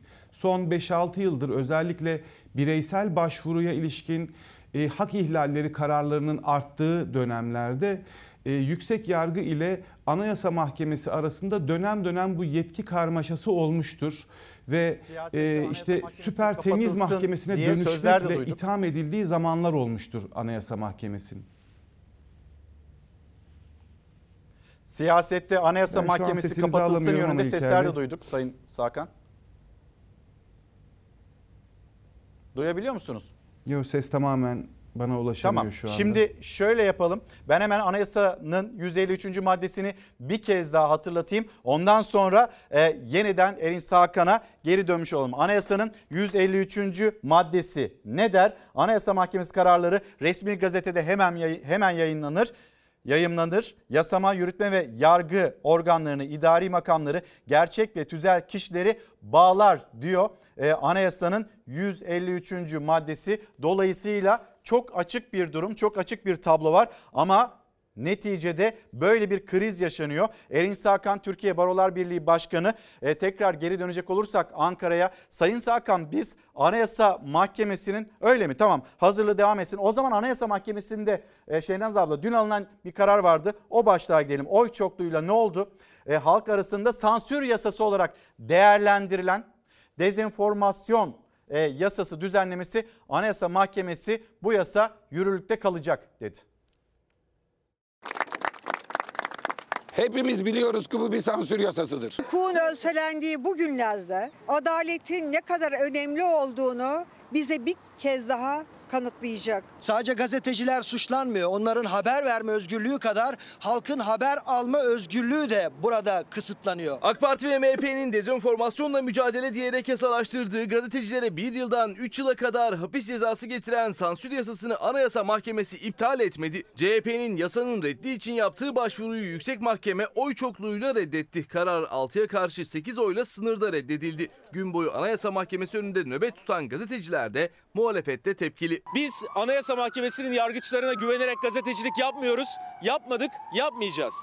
Biz anayasaya güvenerek, basın ve ifade özgürlüğüne, temel insan haklarına güvenerek gazetecilik yaptık. Yapmayı da devam edeceğiz. Türkiye'de bundan sonra gazeteciler için, muhalefet için işlerin daha zor olacağını gösteren bir aşama. Siyasi iktidarın adeta basın mesleği üzerinde bir yumruğu haline gelen yasa değişikliğinin iptali için maalesef beklentimiz çok daha farklı yöndeydi. Hukuk mücadelemizi biz İyi Parti olarak vermeyi sürdüreceğiz. Cumhuriyet Halk Partisi TCK'ya eklenen maddeye göre halk arasında endişe, korku veya panik yaratmak sahikiyle ülkenin iç ve dış güvenliği, kamu düzeni ve genel sağlığı ile ilgili gerçeğe aykırı bir bilgiyi kamu barışını bozmaya elverişli şekilde alenen yayan kişiler ifadesiyle gazetecilere hapis yolunu açan maddenin iptal edilmesi için Anayasa Mahkemesi'ne başvurmuştu. O maddenin son mağdurlarından biri daha geçen hafta cezaevine giren 5 gün sonra yurt dışına çıkış tedbiriyle tahliye edilen Tolga Şardan da kararı mahkeme önünde bekleyen gazetecilerden biriydi. Yine mesleğimiz için buradayız. Daha önce de ben gözaltına alınırken ve tutuklanırken söylemiştim. Nihayetinde biz hepimiz gazeteciyiz. Vereceği karar, sağduyulu karar sadece mesleğimiz açısından değil, toplumun ve ülkenin genel beklentisinin açısından da bence çok önemli. Anayasa Mahkemesi önünde toplanan siyasetçilerden gazetecilere, basın meslek örgütlerine kadar herkes yasanın iptali için nöbetteydi. CHP Genel Başkanı Özgür Özel de gazetecilere destek için Anayasa Mahkemesi önüne geldi. Çok daha doğru bir karar verilmesine Evet, inşallah yani ülke için olsun. Ben bireysel bir şey Evet, istemiyorum. evet. Bundan sonra gazetecilerin hapse atılması, mahkeme önlerine çıkarılması ile ilgili meselelerde çok daha dirençli olacağız. Sizin yanınızda ve arkanızda olacağız. Olağanüstü toplanan CHP meclis grubunun da gündemindeydi. Anayasa Mahkemesi'nin iptal başvurusunu reddetme kararı. Bugün Anayasa Mahkemesi önünde basın emekçilerinin basın meslek örgütleri vardı. Sansür yasası iptal edilsin diye bekliyorlardı. Anayasa Mahkemesi sansür yasasının iptal talebimizi reddetti. Gazetecilerdense topluma bir çağrı yükseldi. Bu yasa geçti. Sadece gazetecilere değil tüm topluma bir otosansür dalgası yaratan bu yasa maddesi Anayasa Mahkemesi'ne onay aldı. Haber alma hakkını yurttaşların kullanması, gazetecilere yurttaşların sahip çıkması gerekiyor. Barış Pehlivan da adalet bekliyor. Ee, Barış Pehlivan'ın yargılanmasına bugün devam edilecek Çağlayan Adliyesin- Adliyesi'nde meslek örgütleri de bu duruşmada bulunsun gazeteciler diye bir çağrı yaptılar. Tekrar Ankara'ya dönelim. Süreç içinde e, 5-6 yıllık süreç içinde e, yaşanan çatışmaları anlattınız e, Sayın Başkan. Peki e, AYM kapatılsın çıkışlarını da duyduk biz siyasette. Bunu nasıl değerlendirirsiniz? Bir kez daha sorayım. Anayasa Mahkemesi yargısal aktivizm yapmaktadır ne demek? Anayasa Mahkemesi'ni yargısal aktivizmle e, suçlarken mahkeme aslında Anayasa Mahkemesi'nin yetki alanını aşarak bireysel başvurularda kararlar verdiğini e, bunu ifade etmeye çalışıyor. Dediğim gibi bu son birkaç yıldır daha kısık sesle dönem dönem tartışılan e, bir başlıktı. Yetkisini aştığını Anayasa Mahkemesi'nin e, anayasanın özellikle 14. maddesine rağmen e, ve kesinleşmiş bir mahkumiyet bulunmasına rağmen bir hak ihlali kararı vermesini Anayasa Mahkemesi'nin görev ve yetkisini aşarak yargısal aktivizm yapmak suretiyle hak ihlali kararı verdiğini e, ifade ediyor. Ancak şunu e, ifade etmem gerek. Anayasa Mahkemesi'nin aslında özellikle e, milletvekillerinin seçilme hakkı ve siyasi faaliyette bulunma haklarına ilişkin yaptıkları e, daha önce verdiği kararlarla bu karar tamamen örtüşen bir karar. Farklı bir uygulama yapmış değil Anayasa Mahkemesi. Ancak farklı uygulamayı yapan aslında Yargıtay'ın 3. Ceza Dairesi. Ee, özellikle Can Atalay ve diğerlerinin yargılandığı dosyada ilk derece mahkemesi kararının apar topar e, onanmasına ilişkin aldığı karar aslında Anayasa Mahkemesi'nin e, daha sonra değerlendireceği bireysel başvurunun tamamen önünü kesmek için alınmış bir karar olarak görünüyor. Zaten kararın içeriğine bakacak olursak Anayasa Mahkemesi aynı zamanda Türkiye Büyük Millet Meclisi'ni de e, kararın gereğini yerine getirmeyerek anayasaya aykırı davranmakla itham ediyor. Sadece Anayasa Mahkemesi'ne dönük bir itham yok. Aynı zamanda e, Millet Meclisi'nin de 3. Ceza Dairesi'nin kararını alıp uygulamayarak ve Can Atalay'ın milletvekilliğini düşürmeyerek e, anayasaya aykırı davranmakla itham ettiğini görüyoruz gerekçe kısmında. Peki e, bu kriz nasıl sonuçlanır? Bir de Cumhuriyet Halk Partisi ilk 24 saatte Evet. atacakları adımları e, sıraladı. Sizin de bir e, çıkışınız var. Ankara'da suç duyuruları havada uçuşuyor. Evet bu krizi e, şu anda aslında yargı yarattı. E, yargının attığı düğümü de yargının çözmesi gerekiyor.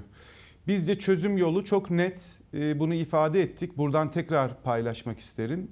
Öncelikle Hakimler ve Savcılar Kurulu'nun artık harekete geçmesi gerekiyor. İstanbul 13. Ağır Ceza Mahkemesi'nin Anayasa Mahkemesi kararını uygulamayarak dosyayı Yargıtay'a göndermesi aslında bugün yaşadığımız sorunların en temel, en başta gelen hatalı hukuki gerekçesi.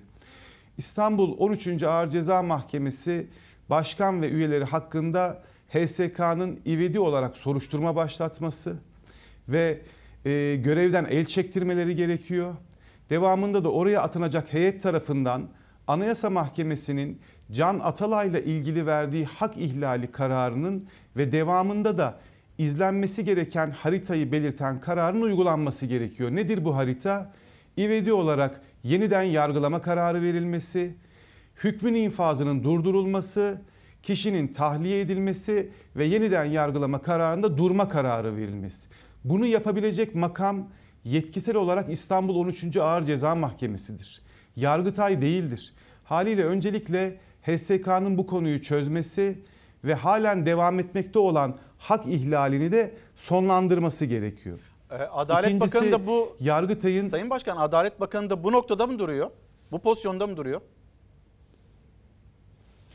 Tabii Adalet Bakanı'nın e, aynı zamanda HSK'da e, HSK'nın başkanı olması sıfatıyla e, sorduğunuz sorunun e, cevabını HSK'nın önümüzdeki günlerde yapacağı uygulamalarda göreceğiz. Aslında o kadar önemli bir noktaya değindiniz ki Adalet Bakanı yürütmeyi temsil eden bir e, organı temsil eden bakan olarak e, HSK'nın içerisinde yer alması Hakimler ve Savcılar Kurulu'nun yürütmenin etkisi içerisinde bulunması anlamına da geliyor. Ama bu bugünün tartışması değil.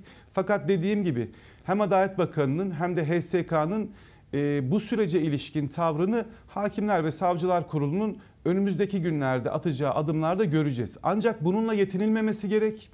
İvedi olarak Yargıtay Yüksek Disiplin Kurulu'nun harekete geçmesi ve Yargıtay 3. Ceza Dairesi'nin kararın altında imzası olan başkan ve üyelerine disiplin soruşturması başlatarak yaptırımlar içerisinden eylemin ağırlığına göre uygun olan görevden el çekmeye davet prosedürünü işletmesi gerektiğine inanıyoruz. Aynı zamanda Yargıtay 1. Başkanlar Kurulu'nun da cezai soruşturma anlamında gerekli adımları atması gerekiyor. Biz Türkiye Barolar Birliği olarak buna ilişkin dilekçelerimizi bugün içerisinde ilgili kurumlara verip süreci başlatacağız. E, Türkiye Barolar Birliği'nin atacağı adımlar bu yönde olacak. Peki bir kez daha bu sürece nasıl gelindi? Yargıtay ve Anayasa Mahkemesi arasında bu tartışma neden çıktı? İstanbul'da e, bir başsavcının yargıda çürüme var diye bir çıkışı olmuştu. Burada yeni bilgiler var mı elinizde? Sonra işte Can Atalay kararı, sonra gazeteci Tolga Şardan'ın yazmış olduğu bir yazı, o yazı nedeniyle tutuklanması. Bu süreç nasıl ilerliyor? Bu süreçte bu anlattıklarımızın birbiriyle ilintisi var mı? Evet aslında e, son dönemde yargının e, verdiği olumsuz sınavları e, sıraladınız İlker Bey. Maalesef bu unsurların tamamı yargıya olan güveni de çok ciddi anlamda sarsmakta. Sokaktaki vatandaşın kendini hukuki güvenlik içerisinde hissetmediği maalesef bir sürecin içerisine evrildik. Bunun içerisinde yargının kendi yanlış pratikleri muhakkak ki en başta rol alıyor. Tabii İstanbul Cumhuriyet Başsavcılığı'nın başlattığı e, HSK şikayeti ve bunun kamuoyuna yansımaları, devamında buradaki sürece ilişkin açıklamalar, baktığınız zaman e, son dönem gazeteci gözaltıları, Tolga Şardan'ın tutuklanması gibi e, ve 5 gün sonra dosyada hiçbir değişiklik olmamasına rağmen nasıl tutuklanması yanlışsa e, devamında tahliye edilerek aslında bu yanlışın ortaya konulduğu bir süreci yaşıyoruz. Aslına bakarsanız dün ben de Anayasa Mahkemesi'nin önündeydim ve orada e, basın emekçileriyle beraber Türk Ceza Kanunu'nun 217. maddesinin gerçekten hukuki öngörülebilirlikten uzak olması bakımından ve meşru amaç demokratik bir toplumda gereklilik ilkelerini karşılamamış olması sebebiyle iptali yönündeki beklentimizi kamuoyu ile paylaşmıştık. Fakat Anayasa Mahkemesi oy çokluğu ile buna aykırı bir bizim tahminimize, bizim hukuki düşüncemize, bizim hukuki gerekçelerimize aykırı bir karar aldı. Baktığımızda ben bu kararı bir hukukçu olarak eleştiriyorum. Evet Anayasa Mahkemesi'nin kararları eleştiriden muaf değil. Hepimiz eleştirebiliriz. Ancak kararların uygulanıp uygulanmamasını tartışmak anayasadan kaynağını alan bir hukuk devleti olup olmadığımızı tartışmakla eşdeğer bir durumdur. Ve Yargıtay 3. Ceza Dairesi'nin yaptığı da tam da Türkiye Cumhuriyeti'nin bir hukuk devleti olup olmadığını sorgulatacak kadar ağır bir süreci başlatmıştır. O sebeple bugün buna yaşanan bu sürece çok ağır tepki vermek gerekiyor ve yargının da hemen harekete geçerek kendi attığı bu düğümü kendisinin bir an önce çözmesini beklememiz gerekiyor. Türkiye Barolar Birliği Başkanı Sayın Erinç Sağkan e, Çalar Saat'te anlattı. Süreci hukuki olarak değerlendirmeye çalıştığınız Sayın Sağkan ama hukuki de bir yorum bulamadığınızı da söylüyorsunuz bir yandan öyle değil mi? Evet şimdi kararı tabii e, biz e, bir hukuk kurumuyuz. Bir hukuk kurumunu temsil ettiğimiz e, noktada da yorumlarımızı da hep bu çizgide yapmaya gayret ediyoruz. Fakat artık bu karar gerçekten üslup olarak da içerik olarak da bir anayasal düzene bir başkaldırı niteliği taşıyor. Haliyle kararın içeriğini hem anayasa hem Türk Ceza Kanunu anlamında değerlendirebileceğimiz bir düzlemin tamamen e, dışına çıkmış bulunuyoruz. Yine de sözlerimizi seçerek kullanmaya çalışıyoruz. Tabii ki başvurularımızı hukuk sistemimizin içerisinde Yargıtay Kanunu'na ve diğer mevzuatımıza göre e, yapıyoruz. Ancak gerçekten geldiğimiz nokta hukukun konuşulabileceği bir sürecin dışına evrilmiş durumda. Anayasa Mahkemesi'nin az önce siz ifade ettiğiniz dönem dönem siyasilerden yoğun saldırı altında kaldığını görürüz ve kapatılması gerektiğine ilişkin söylemlerle de karşılaşıyoruz. Ben bu kararın bu tartışmaları alevlendirmek ve Anayasa Mahkemesi'ni de hedef tahtası haline getirmek maksadıyla kaleme alındığını e, düşünüyorum. Böyle okuyorum artık kararı. Erinç Bey e, teşekkür ederim. Son bir soru olsun mu? Anayasa Mahkemesi üyeleri işte 9 üye onlar nasıl yargılanacak? Tabii e, Anayasa Mahkemesi'nin e, kuruluşu ve görevleri hakkındaki kanunun 16. maddesinde buna ilişkin bir hüküm var. Fakat e, bu kadar ağır bir süreç bugüne kadar yaşanmadığı için uygulamada pratiğini daha evvelden yaşadığımızı söyleyemem. 9 yani başkan ve 8 üye ile birlikte 9 üye ile üye hakkında bir suç duyurusu var. Öncelikle Yargıtay Cumhuriyet Başsavcılığına e, Yargıtay 3. Ceza Dairesi'nin kararında gereğinin takdir ve ifası için Yargıtay Cumhuriyet Başsavcılığına e, dosyanın gönderilmesi şeklinde bir karar var. Haliyle Yargıtay Cumhuriyet Başsavcılığının iddiayı ciddiye alıp almayacağını görmemiz gerekiyor. Buradaki isnadı ciddiye alırsa eğer dosyayı e, üst yazıyla birlikte Anayasa Mahkemesi'ne göndermesi gerekiyor. Çünkü Anayasa Mahkemesi başkan ve üyeleriyle ilgili olarak soruşturma açma yetkisi Anayasa Mahkemesi'nin genel kuruluna ait. Tabi 15 üyesi olan Anayasa Mahkemesi 9 üyesi hakkında genel kurul toplayarak nasıl karar verecek bu soruyla e, karşılaşıyoruz. Çünkü üye kalıyor. E, aklımıza gelen yöntem şudur. Eğer Yargıtay Cumhuriyet Başsavcılığı isnadı ciddiye alıp Anayasa Mahkemesi'ne iletirse bunu Anayasa Mahkemesi en az 10 üyesiyle genel kurulu toplayacak. Başkan ve 8 üye hakkındaki yani toplamda 9 üye hakkındaki iddiaları toplu olarak değil bireysel olarak tek tek alacak gündemine haliyle 10 üye toplanıp birey o hangi üyenin dosyasını görüşeceklerse o üyenin katılmadığı bir genel kurul toplantısında tek tek değerlendirme yaparak soruşturma açılıp açılmamasına karar verecekler. Bizim bu aşamada görebildiğimiz, kanundan anlayabildiğimiz yöntem bu şekilde. Türkiye Barolar Birliği Başkanı Sayın Erinç Sakan Çalar Saat'teydi. Yargıda yaşanan krizi anlattı. Bir kez daha teşekkür ederim efendim. Sağ olun. Şimdi e, devam edelim. CHP lideri Kemal Kılıçdaroğlu tekrar dönecek olursak ve daha ayrı yazılır bazen Kılıçdaroğlu Sayın Genel Başkanım hayırlı uğurlu olsun dedi ve 13 yıldır e, görev yaptığı koltuğu Özgür Özel'e devretti.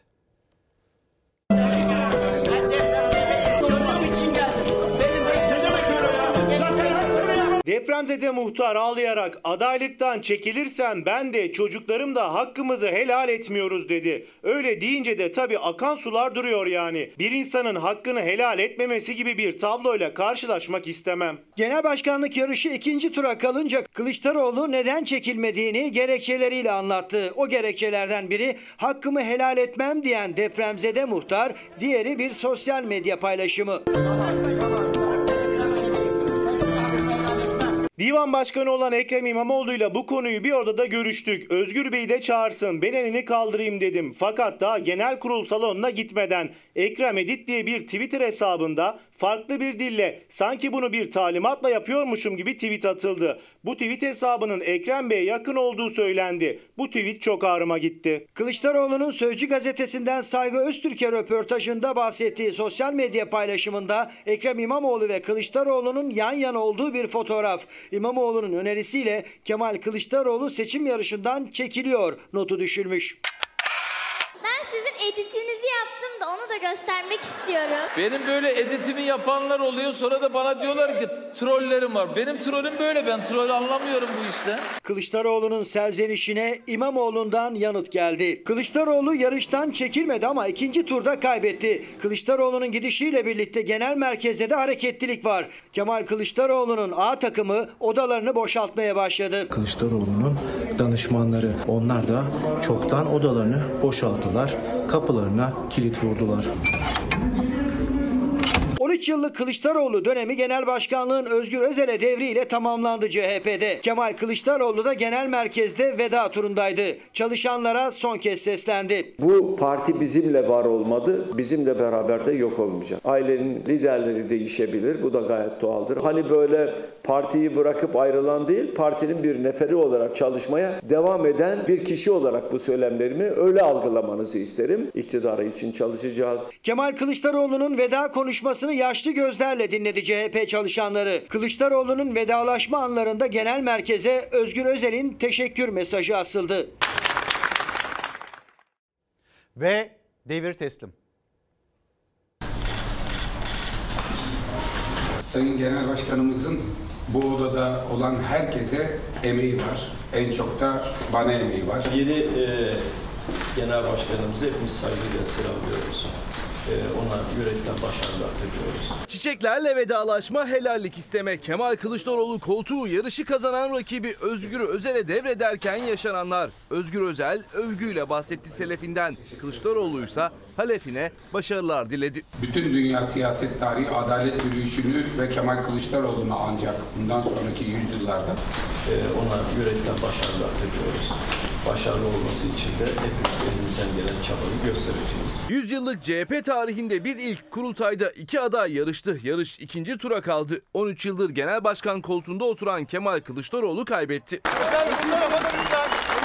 Partinin yeni kaptanı artık Özgür Özel Kılıçdaroğlu'ndan görevi teslim almadan önce güne hareketli başladı. İlk ziyaretini memleketi Manisa'ya aile evine yapmıştı. Sabah erken saatteki uçakla Ankara'ya döndü.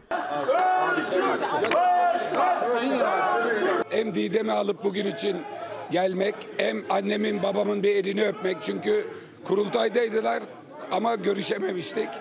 Hem onlardan helallik almak hem de diğer baba evi Atatürk'ün evi olan Cumhuriyet Halk Partisi'nden partililerimize teşekkür etmek ve helallik almak üzere gittim. Büyük mutluluk ve gurur içindeyiz. CHP Genel Başkanı Özgür Özel'in yanında eşi de vardı. Didem Özel'in ilk mesajı tanıdıktı. Kendi memleketimizde, kendi hemşerilerimizle, büyüklerimizle birlikte olduk dün. Her şey çok güzeldi. Bundan sonrasında her şey çok daha güzel olacak.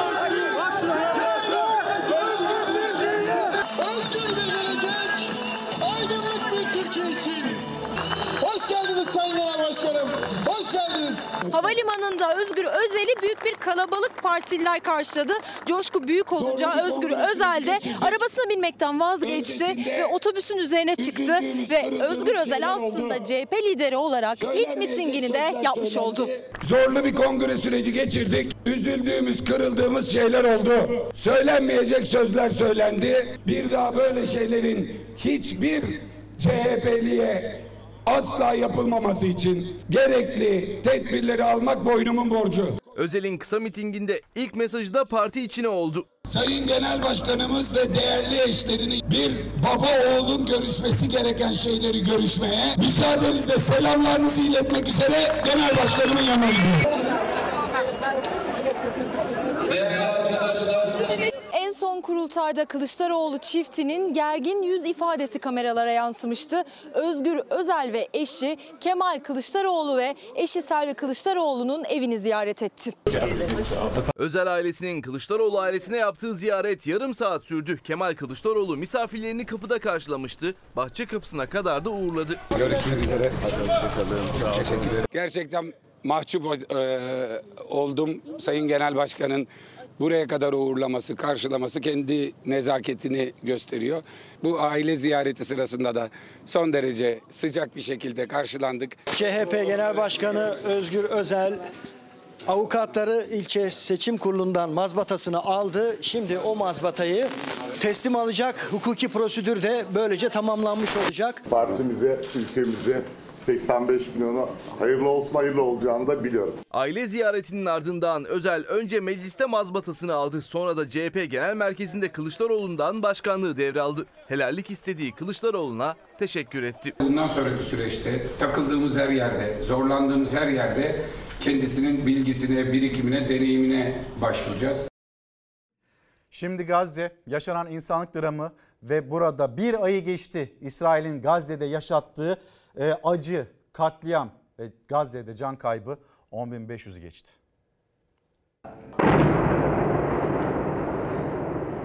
İsrail'in Gazze saldırıları durdurak bilmiyor ateşkes çağrıları karşılıklı anlaşma iddialarının gölgesinde İsrail gecenin karanlığında devam ettirdiği saldırılarıyla Gazze'de göğü kızıla bürüdü.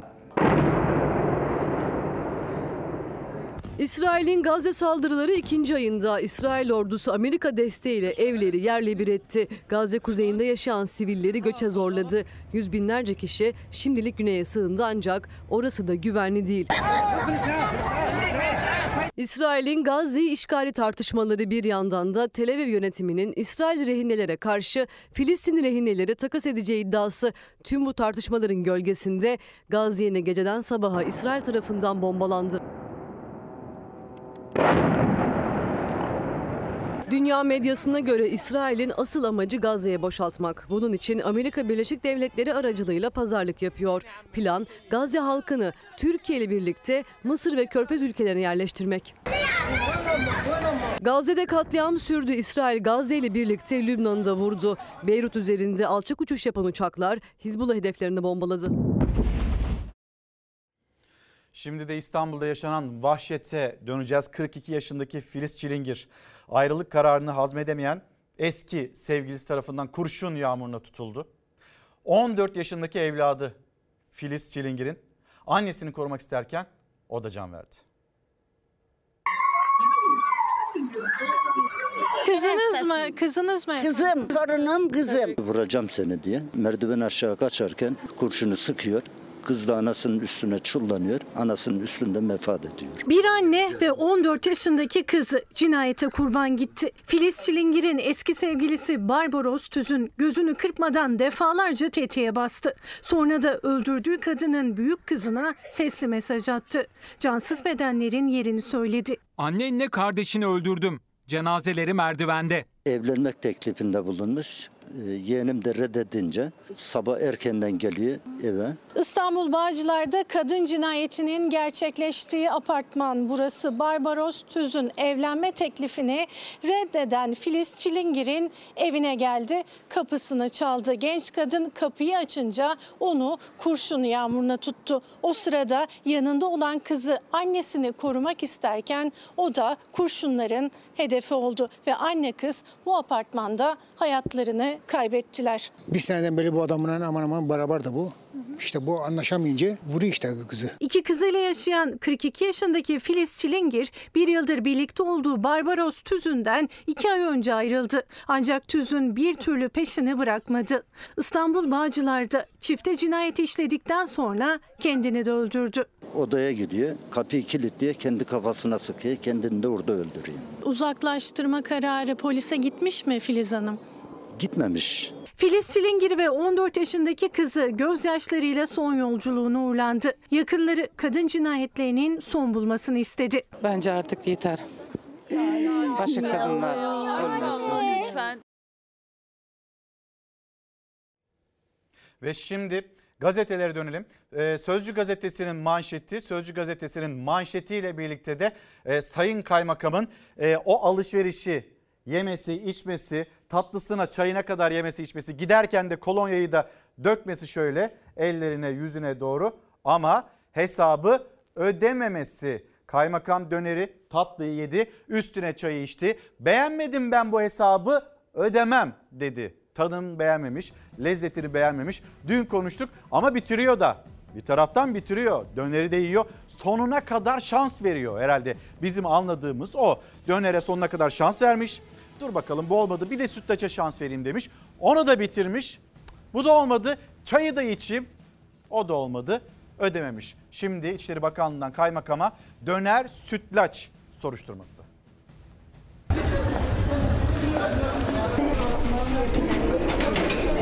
İlçe kaymakamımız ilk defa işletmemize teşrif edip öğlen yemeğini yediler. Döneri beğenmedim, tatlıyı beğenmedim ve bu yüzden hesap ödemiyorum deyip gideceğini söyledi. Döneri yedikten sonra tatlı söylediler. Üstüne çay da içtiler. Yemek bittikten sonra kasaya gelen kaymakam lokanta sahibine yemeği beğenmedim hesabı ödemiyorum dedi. Arkadaşlarıyla birlikte yemek yiyen hesabı ödemeden giden Artvin Yusufeli Kaymakamı Hacı Kerim Meral hakkında İçişleri Bakanlığı soruşturma başlattı. Canınız sağ olsun kaymakam bey yemedim. Yemeğin parasını ben zaten almam dedim. Kendilerine kolonya ikramında bulundum. Yusufeli Kaymakamı Hacı Kerim Meral hakkında İçişleri Bakanlığımızca müfettiş görevlendirilerek soruşturma başlatılmıştır. Artvin Yusufeli Kaymakamı Hacı Kerim Meral iki arkadaşıyla birlikte görev yaptığı ilçedeki lokantaya gitti. Önce döner sipariş ettiler. Döner yendi. Boş tabaklar toplandı. Sıra tatlıya geldi. Sütlaçlar bittikten sonra çayını da içti kaymakam.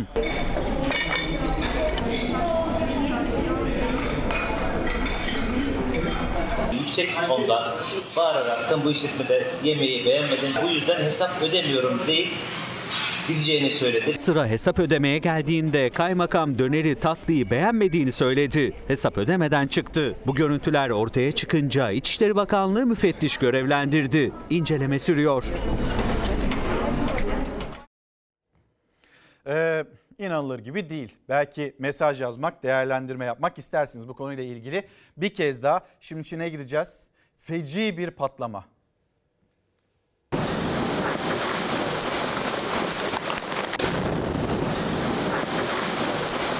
Gaz tankeri sızıntı sonrası patladı. İki kişi hayatını kaybetti. Çin'de park halindeki bir gaz tankerinde sızıntı meydana geldi. İşçiler hemen sızıntıyı önlemek için müdahalede bulundu. İşçilerin müdahalesi sonuç vermedi, sızıntı devam etti. Tehlikeli boyutlara ulaştığı anda da işçiler tankerden koşarak uzaklaştı. Çok geçmeden tanker bomba gibi patladı. Alevler büyük bir alana yayıldı. Gaz sızıntısı nedeniyle park halindeki diğer araçlar da alev aldı. Yaşanan patlamada iki kişi hayatını kaybetti. Çıkan yangın bir saat sonra söndürülebildi. Bir kitap daha göstereyim. Hatta yönetmenimizden Şeynaz Ersoy'dan da rica edeyim. Klip hazırlamıştık. Dışarıda yağmur var. Şöyle bir gösterelim. İstanbul'da yağmur var. Sizin oralarda memleketinizde durum nedir? İnanılır gibi değil başlığı altında konuşurken bizim de hazırladığımız o klip de gelsin ekranlarınıza. Çünkü biraz nefes almaya, biraz böyle e, kafamızı zihnimizi boşaltmaya da ihtiyacımız var. Kitaplar buna e, büyük fayda sağlıyor. O kitapta mesela o kitaplardan birisi de Sahne Önü Anıl Uluç Ergen'in kitabı. Şöyle bir göstereyim sizlere. Sahne Önü iki kardeşin Ankara'da küçük bir apartman dairesinde başlayıp üç kıtaya yayılan yolculuklarının hikayesi.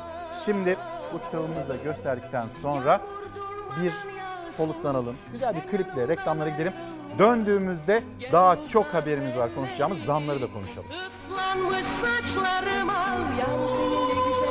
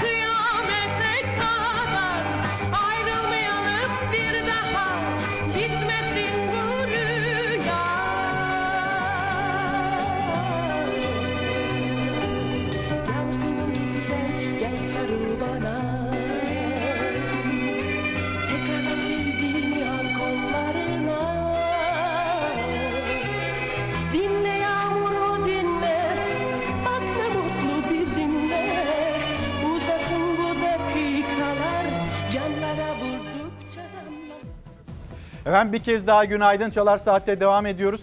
Türkiye İşçi Partisi Milletvekili Can Atalay Anayasa Mahkemesi hak ihlali var kararı verdi ve sonrasında Yargıtay hak ihlali var diyen e, AYM üyeleri hakkında da suç duyurusunda bulunma hamlesi yaptı. Şimdi birazdan Türkiye İşçi Partisi Genel Başkanı e, Erkan Baş Çalar Saat'te olacak ve kendisine de soracağız. Ankara toz duman yeni gün acaba nasıl gelişmelere gebe? Hepsinin notlarını hızlı bir şekilde ekranlarınıza getirelim sonra Erkan Baş'la konuşalım.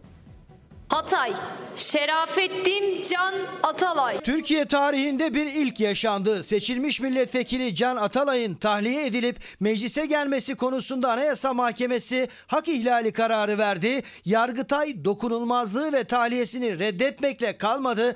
Can Atalay için hak ihlali kararı veren Anayasa Mahkemesi'nin 9 üyesi hakkında suç duyurusunda bulundu. Anayasa mahkemeleri üyeleri hakkında suç duyurusu yaklaşımı akıldan, liyakatten, matematikten ve gerçekten kopuk bir karardır. Anayasa Mahkemesi kararları eleştirilebilir. Uygulanıp uygulanmaması gibi bir tartışma söz konusu olamaz. Anayasa Mahkemesi kararını uygulamamak, anayasayı uygulamamak demektir. İnanılır gibi değil. Türkiye'de bundan sonra bu işin nereye gideceğini artık tahayyül edemiyoruz. Can Atalay kararı için gözler Yargıtay 3. dairesindeydi. Dairenin Anayasa Mahkemesi üyeleri hakkında attığı adım şok etkisi yarattı. Yargıtay 3. dairesi Anayasa Mahkemesi'nin Can Atalay kararı veren üyeleri anayasa hükümlerini ihlal etti dedi. Yetki sınırlarını yasal olmayacak şekilde aştıkları gerekçesiyle hak ihlali kararı veren üyeleri hakkında gereğinin yapılmasını istedi. Yargıtay Cumhuriyet Başsavcılığına suç duyurusunda bulundu. Anayasa Mahkemesi kararı 9'a 5 almış bir de çekimser var. Katılan 5 üye, katılmayan 10 üyenin yargılanmasına. Azınlığın çoğunluğu hem de toplantı yeter sayıları olmaksızın yargılamalarına karar verecek. Hiçlik tarif ediyor. Onların liyakatleri bu olsa da bu millete, bu devlete bunu yapmalarına hakları yoktur. Anayasa Mahkemesi'nin e, özellikle bireysel başvurulara ilişkin aldığı e, hak ihlalleri kararlarını artık mahkemelerin uygulayıp uygulamamakla tamamen serbest olacakları anlamına gelir. Bu mahkeme Anayasa Mahkemesi'ne açıkça meydan okumaktadır. Yargıtay 3. Ceza Dairesi Can Atalay'ın milletvekilliğinin düşürülmesi için de kararının bir örneğini meclis başkanlığına gönderdi. Suç işliyorsunuz, suç işliyorsunuz, suç işliyorsunuz. Anayasa Mahkemesi 25 Ekim'de Can Atalay'ın tahliye edilmesini söyleyerek hak ihlali kararı verdi. Seçilme hakkı, kişi hürriyeti ve güvenliği hakkı ihlal edilmiştir dedi. Kararını 13. Ağır Ceza'ya gönderdi. Yerel mahkeme ise daha önce Can Atalay'ın Gezi davasından 18 yıllık cezasını kesinleştiren Yargıtay'a attı topu. Yargıtay 3. Dairesi'nin kararı ise Ankara'yı sarstı. Çünkü Anayasa Mahkemesi kararını tanımamakla kalmadı. İhlal var diyenler hakkında suç duyurusunda bulunarak Türkiye yargı tarihinde bir ilke imza attı. Belli ki bir kurguya dayalı olarak birinci mahkeme bu konuyu Yargıtay'a taşımış ve Yargıtay 3. Dairesi bu akşam hukuk devletine doğrudan müdahale, doğrudan darbe niteliğinde bir karar alarak Anayasa Mahkemesi üyeleri hakkında suç duyurusuna bulunmuştur. Türkiye tarihinde bir görülmemiş bir olay. Zaten başlığımızda inanılır gibi değil. Türkiye İşçi Partisi Genel Başkanı Sayın Erkan Baş şu anda Çalar Saat'te. Ee, siz yaşananı acaba nasıl değerlendiriyorsunuz, yorumluyorsunuz? Darbe diyen var, kalkışma diyen var, deprem diyen var, meydan okuma diyen var. Siz ne dersiniz Sayın Erkan Baş? Bir kere açıkça anayasanın hükümlerine aykırı bir biçimde ve bunu aleni biçimde söyleyerek yani anayasa ne diyor? Anayasa Mahkemesi'nin kararları kesindir ve tüm kurumları ve kişileri bağlar diyor. E, Yargıtay ise kararını açıkça şunu yazmış. Anayasa Mahkemesi kararına uyulmaması. Yani tercümesi şu. Anayasaya uyulmaması kararı almış.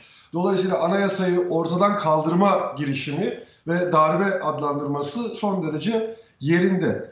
E, Herhalde şunu hatırlamak lazım İlker Bey. Bakın çok uzun zamandır bu konu kamuoyunun gündeminde ve biz başından bu yana meselenin sadece hukuki bir başlık olmadığını, siyasi bir başlık olduğunu defalarca kez anlatmaya çalıştık. Meselenin Türkiye İşçi Partisi ile sınırlı olmadığını, meselenin Can Atalay'la sınırlı olmadığını defalarca kez anlatmaya, sesimizi duyurmaya çalıştık. Ve galiba dün Yargıtay 3. Ceza Dairesi'nin verdiği kararla bu artık kesinleşmiş oldu. Yani sorun, tartıştığımız konu tek başına Can Atalay'ın, tek başına Türkiye İşçi Partisi'nin değil, Türkiye'de yaşayan her yurttaşın sorunu haline gelmiştir. Bunu altını çizerek ifade etmek istiyorum. Bakın mesele herhangi bir yurttaşımızla ilgili olsaydı bile böyleydi. Ama bir de konu Türkiye Büyük Millet Meclisi üyesi bir milletvekili ile ilgili olunca durum aynı zamanda Türkiye Büyük Millet Meclisi iradesine karşı da bir başkaldırı anlamına geliyor.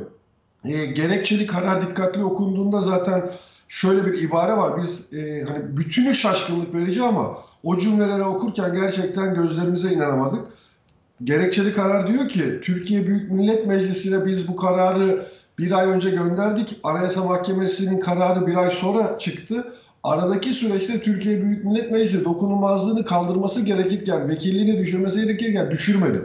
Yani doğrudan e, Türkiye Büyük Millet Meclisi ile bir hesaplaşma içerisine giren bir ibareyi de Yargıtay kararında e, okuyoruz. Bu da meselenin boyutunu daha da güçlendiriyor. E, başka bir şey, Anayasa Mahkemesi'nin kararına uymuyorum diyor. Türkiye Büyük Millet Meclisi'ne bir meydan okuma görüyoruz ve bakın Türkiye tarihinde örneği yok. Anayasa Mahkemesi'nin 9 üyesi hakkında suç duyurusunda bulunuyor. Neden suç duyurusunda bulunuyor? Anayasaya, ana, kanunlara ve Anayasa Mahkemesi'nin daha önceki iştahatlarına uygun biçimde karar aldığı için Anayasa Mahkemesi üyeleri ya anayasaya uydukları için Yargıtay Cumhuriyet Başsavcılığı tarafından bir suç duyurusu konusu haline getiriyorlar. Bizim beklentimiz neydi? Mesela normal bir ülkede, hukukun işlediği bir ülkede. Yani zaten böyle şeyler olmaz ama ona Yargıtay Ceza Dairesi'nin yapması gereken şey Anayasa Mahkemesi kararına uymayan, anayasaya uymayan yerel mahkeme hakkında bir suç duyurusunda bulunması gerekirdi. Ya anayasaya uymayanlar suç işlerler değil mi? Yasalara uymayanlar suç işlerler. Burada durum tam tersine gelmiş. Ben böyle meseleyi hukuki eksende boğamayayım. Bakın buradan sizin aracılığınızla AKP'ye, MHP'ye oy vermiş yurttaşlarımıza, bugüne kadar o partilere oy vermiş yurttaşlarımıza şöyle örneklendirmek istiyorum. Şöyle düşünsünler. Konu Can Atalay değil de mesela Recep Tayyip Erdoğan olsaydı. Yani Recep Tayyip Erdoğan hakkında Anayasa Mahkemesi onun lehine bir karar verseydi. Deseydi ki Anayasa Mahkemesi Recep Tayyip Erdoğan bu olayda hak ihlaline uğramıştır. Ve herhangi bir mahkeme bu kararın uygulanmasını engelleseydi hatta bu kararı alan mahkeme üyeleri hakkında en üst mahkeme üyeleri hakkında bir suç duyurusunda bulunsaydı o yurttaşlarımız ne hissederdi? Yani konuyu kişiden, partiden ayırıp kendinizi özne haline getirdiğiniz zaman aslında ne kadar absürt bir durumla, ne kadar akıl dışı bir durumla, ne kadar hukuk dışı bir durumla karşı karşıya olduğumuzu görüyoruz. Gerçekten mesele artık hukuk sınırları içerisinde tartışılabilecek bir boyutta asla değil. Çünkü neden? Bakın bir devlet, dünyanın herhangi bir yerinde devlet asker gücünü, polis gücünü, kamu gücünü, cezaevlerini, yargıyı elinde bulunduran kuvvettir. Yani yurttaşlar adına onu yürütür.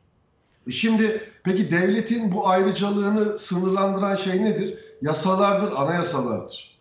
Ve eğer herhangi bir devlet, herhangi bir iktidar bu yasaları, anayasaları çiğnemeye başlarsa orada hiçbir yurttaşın herhangi bir konuda kendi güvenliğini sağlaması mümkün değildir. Mesela bu yüzden gerçekten Türkiye tarihinin en büyük krizlerinden bir tanesi haline gelmiş durumda. Peki Sayın Biz- Başkan e, mesela Cumhuriyet Halk Partisi dün acil toplandı ve işte Ankara'da e, suç duyurularının havada uçuştuğunu ya da uçuşacağını e, görüyoruz, anlıyoruz.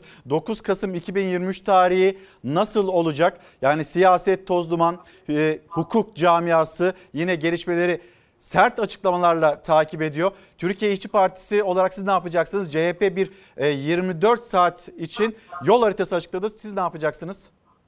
Şimdi şöyle biz de dün akşam saatlerinde Merkez Yürütme Kurulumuzu acil olarak topladık. E, aynı saatlerde gerçekleşti toplantılar anladığım kadarıyla. Ankara'da herhalde doğal olarak aklı başında her siyasi parti durumu değerlendirmek üzere e, karar organlarını bir araya getirdi. Şimdi bir kere burada ilk adım e, biz bu sabah itibariyle saat 9 itibariyle Türkiye Büyük Millet Meclisi Başkanı Sayın Numan Kurtuluş'u aradık makamından e, arkadaşlarımız e, bir randevu talebinde bulundular. Neden? Çünkü bakın konunun doğrudan muhatabı Türkiye Büyük Millet Meclisi. Yani yar- bu karar denilen Yargıtay metni Türkiye Büyük Millet Meclisi'ni tehdit eden bir metin ve Türkiye Büyük Millet Meclisi iradesini baskı altına almaya çalışan metin. Burada doğal olarak öncelikli sorumluluk Sayın Numan Kurtulmuş'a düşüyor. Biz derhal kendisiyle görüşme talep ettik. Bugün görüşeceğiz. İkinci adım bugün mecliste bul- grubu bulunan bütün siyasi partilerle görüşme talebinde bulunduk ve konunun e, hepimiz adına, tüm yurttaşlar adına hep birlikte değerlendirilmesi gerektiğini inanıyoruz. Dolayısıyla ne yapacaksak hep birlikte yapmamız lazım. Aynı zamanda Türkiye Barolar Birliği ile de bugün acil bir görüşme talebinde bulunduk. Bu hukuksuzluğun kabul edilmesi mümkün değil. Bakın belki de ilk defa iktidar cenahından da kimi isimlerin e, konuyu eleştiren açıklamalar yaptıklarını görüyoruz. Meselenin vehametini Evet bütün Hayati Yazıcı'dan da AK. Parti Genel Başkan Yardımcısından da böyle bir açıklama geldi. Yani Beştepe ile AK Parti arasında AK Parti'nin hukukçu kurmayları arasında bir çatışma da yaşanıyor. Şimdi gördüğümüz kadarıyla bir kere çok farklı kliklerin çatıştığı bir tabloyla karşı karşıyayız e, burada. Çünkü başından bu yana örneğin MHP kanatından ısrarlı bir biçimde hatta Yargıtay metinlerine giren kavramların kullanıldığını görüyoruz. Belli ki e, MHP ile AKP arasında, belli ki e, MHP ile AKP içindeki belli topluluklar arasında çeşitli gerilimler haline gelmiş konu ve anladığım kadarıyla bakın biz buna e, hukuk tartışması yapıyoruz ya galiba e, iktidar içerisinde bir kanat e, yeni bir yargı düzeni yani hukukun içinden çekildiği e, bir yeni yargı düzeni inşası için e, düğmeye basmış durumda E, ve bu gerekirse anayasanın ayaklar altına alınmasını da e, ortaya koyan bir pervasızlıkla yürütülmek isteniyor. Dolayısıyla ben inanıyorum ki Türkiye'deki tüm yurttaşlar e, bu durum karşısında kendileri tepki gösterecekler. O yurttaşların desteklediği siyasi partiler yurttaşın sesini duyacak ve hep birlikte e, bu anayasayı ayaklar altına alma girişimine karşı en etkili tavrı ortaya koyacağız ve bu saldırıyı, bu meclis iradesini, bu anayasayı ayaklar altına alma girişimine karşı hep birlikte bir karşı duruş sergileyeceğiz. Bugün e, meclis açılacak. Meclis açılana kadar tüm siyasi parti gruplarıyla e, görüşmelerimizi gerçekleştireceğiz. Bütün partilerden Ben randevu aldınız mı?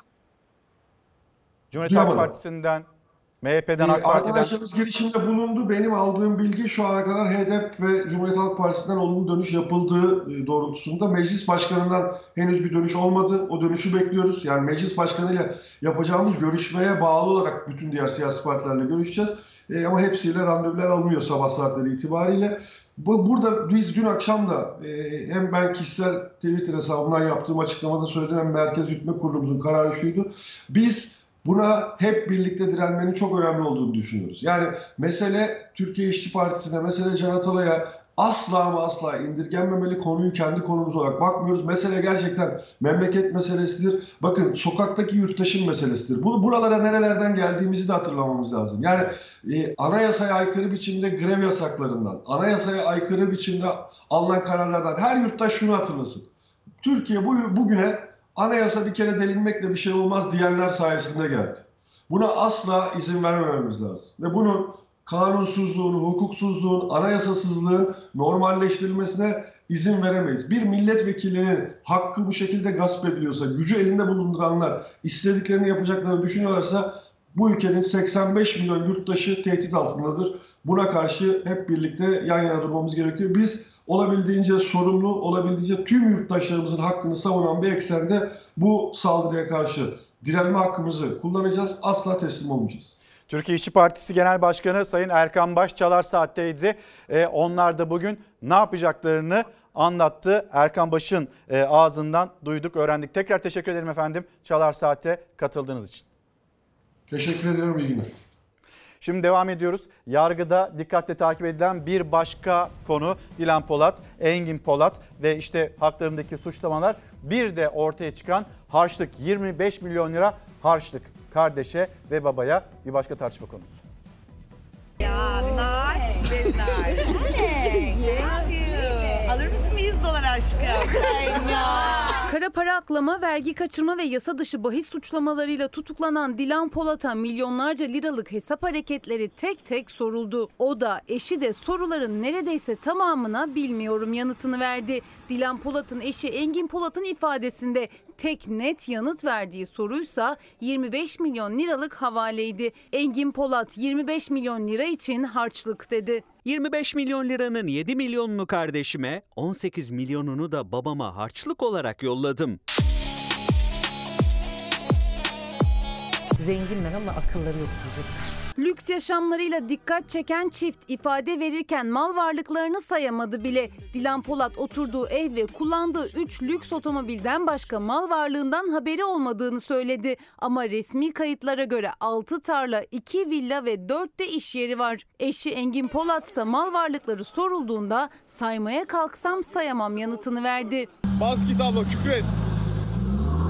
Sadece şirketler ve harcamalar değil, polis Polat çiftinin Kıbrıs, Dubai ve Gürcistan seyahatlerinde şüpheli buldu. Ayrı ayrı sorgulanan çift seyahatlerin şube açılışları ve tatil amaçlı olduğunu anlattı. Ancak soruşturma dosyasına da eklenen bir ihbarcının iddiasına göre bu adresler yasa dışı bahis paralarının geçiş güzergahı. Uluslararası yasa dışı bahis sitelerine yatırılan paralar Engin Polat'ın şirketlerine ait post cihazlarından mail order olarak yurt dışı hesaplarına çekilir. Döviz büroları üzerinden dolara dönüştürülen paralar kripto para alınarak yurt dışına aktarılır. Adalete güveniyoruz.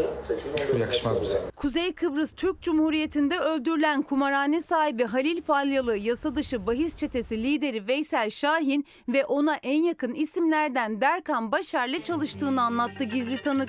Engin Polat'ın da kara para aklamaya Derkan Başar aracılığıyla başladığını ileri sürdü. Engin Polat'a bu iddialar da soruldu, tanımıyorum dedi. Milyonlarca liralık sahte faturalardan da haberdar olmadığını söyledi Polat çifti. Bunu e, her mükellef yaşar ki Biz de mükellefiz değil mi Engin? Ülke vatandaşıyız diye. senelerdir yani. Ne bileyim ben anlamıyorum. Müvekkilim bir banka aracılığıyla para transferi yapmayı bilmeyen ve sosyal medyada öne çıkan Engin biz mükellef miyiz cümlesiyle tüm toplumun dikkatini çeken bir şahıstır. Bu cümleden de anlaşılacağı üzere kastı olmadığı kolaylıkla anlaşılmaktadır. Mahkeme avukatların talebini kabul etmedi. Dilan Polat 3 gündür cezaevinde. Yakınlarından temiz kıyafet talebinde bulundu. Cezaevi yönetimi koğuşta sınıfsal huzursuzluk çıkmaması için lüks kıyafet getirilmemesi yönünde uyarıda bulundu. Bence burası toplam sana söyleyeyim vardır bir 200 200 tutmuştur. Şimdi biraz hızlanacağız. Memleket havası. Yurdun batısına kuvvetli sağanak yağmur ve soğuk hava geliyor. Bugün İstanbul ve İzmir kuvvetli sağanak yağışlı, sıcaklıklarsa özellikle Marmara ve Karadeniz bölgelerinde düne göre hissedilir derecede düşüyor. Bugün gün Marmara, Batı Karadeniz ve Kuzey Ege'de yağışlı başlayacak. Zamanla Karadeniz'in tamamında ve İzmir'de yağış görülmeye başlıyor. Batıda yağışlar bugün kuvvetli olacak. İstanbul'da, Ege kıyılarında, Çanakkale, Balıkesir çevreleriyle Batı Karadeniz'de kuvvetli sağanak yağış geçişlerine dikkat edilmeli. Doğu Karadeniz kıyılarında da günün ilerleyen saatlerinde sağanak yağışlar kuvvetlenebilir bugün. Yağışlı hava bugün zamanla Orta Anadolu'da da görülecek. Başkent Ankara çevrelerinde, İç Ege ile Eskişehir civarında, zamanla Kırıkkale, Kırşehir çevrelerinde yağış geçişleri bekleniyor. Bugün ve cuma günü sıcaklıklarda da düşüş var. Özellikle Marmara ve Karadeniz bölgeleri iki günü serin geçirecek. Sıcaklıklar dünden bugüne ortalama 4-5 derece birden düşüyor. İstanbul'da hava düne göre ani değişimlerle yağışlı ve üşüten bir havaya dönüyor bugün. Bugün yurdun batısında etkili olan yağışlar yarın doğusuna doğru ilerleyecek. Doğu Anadolu, Doğu Karadeniz yarın hafif yağışlı. Akdeniz bölgesinde cuma bulutlanma artacak, yağış ihtimali var ancak düşük.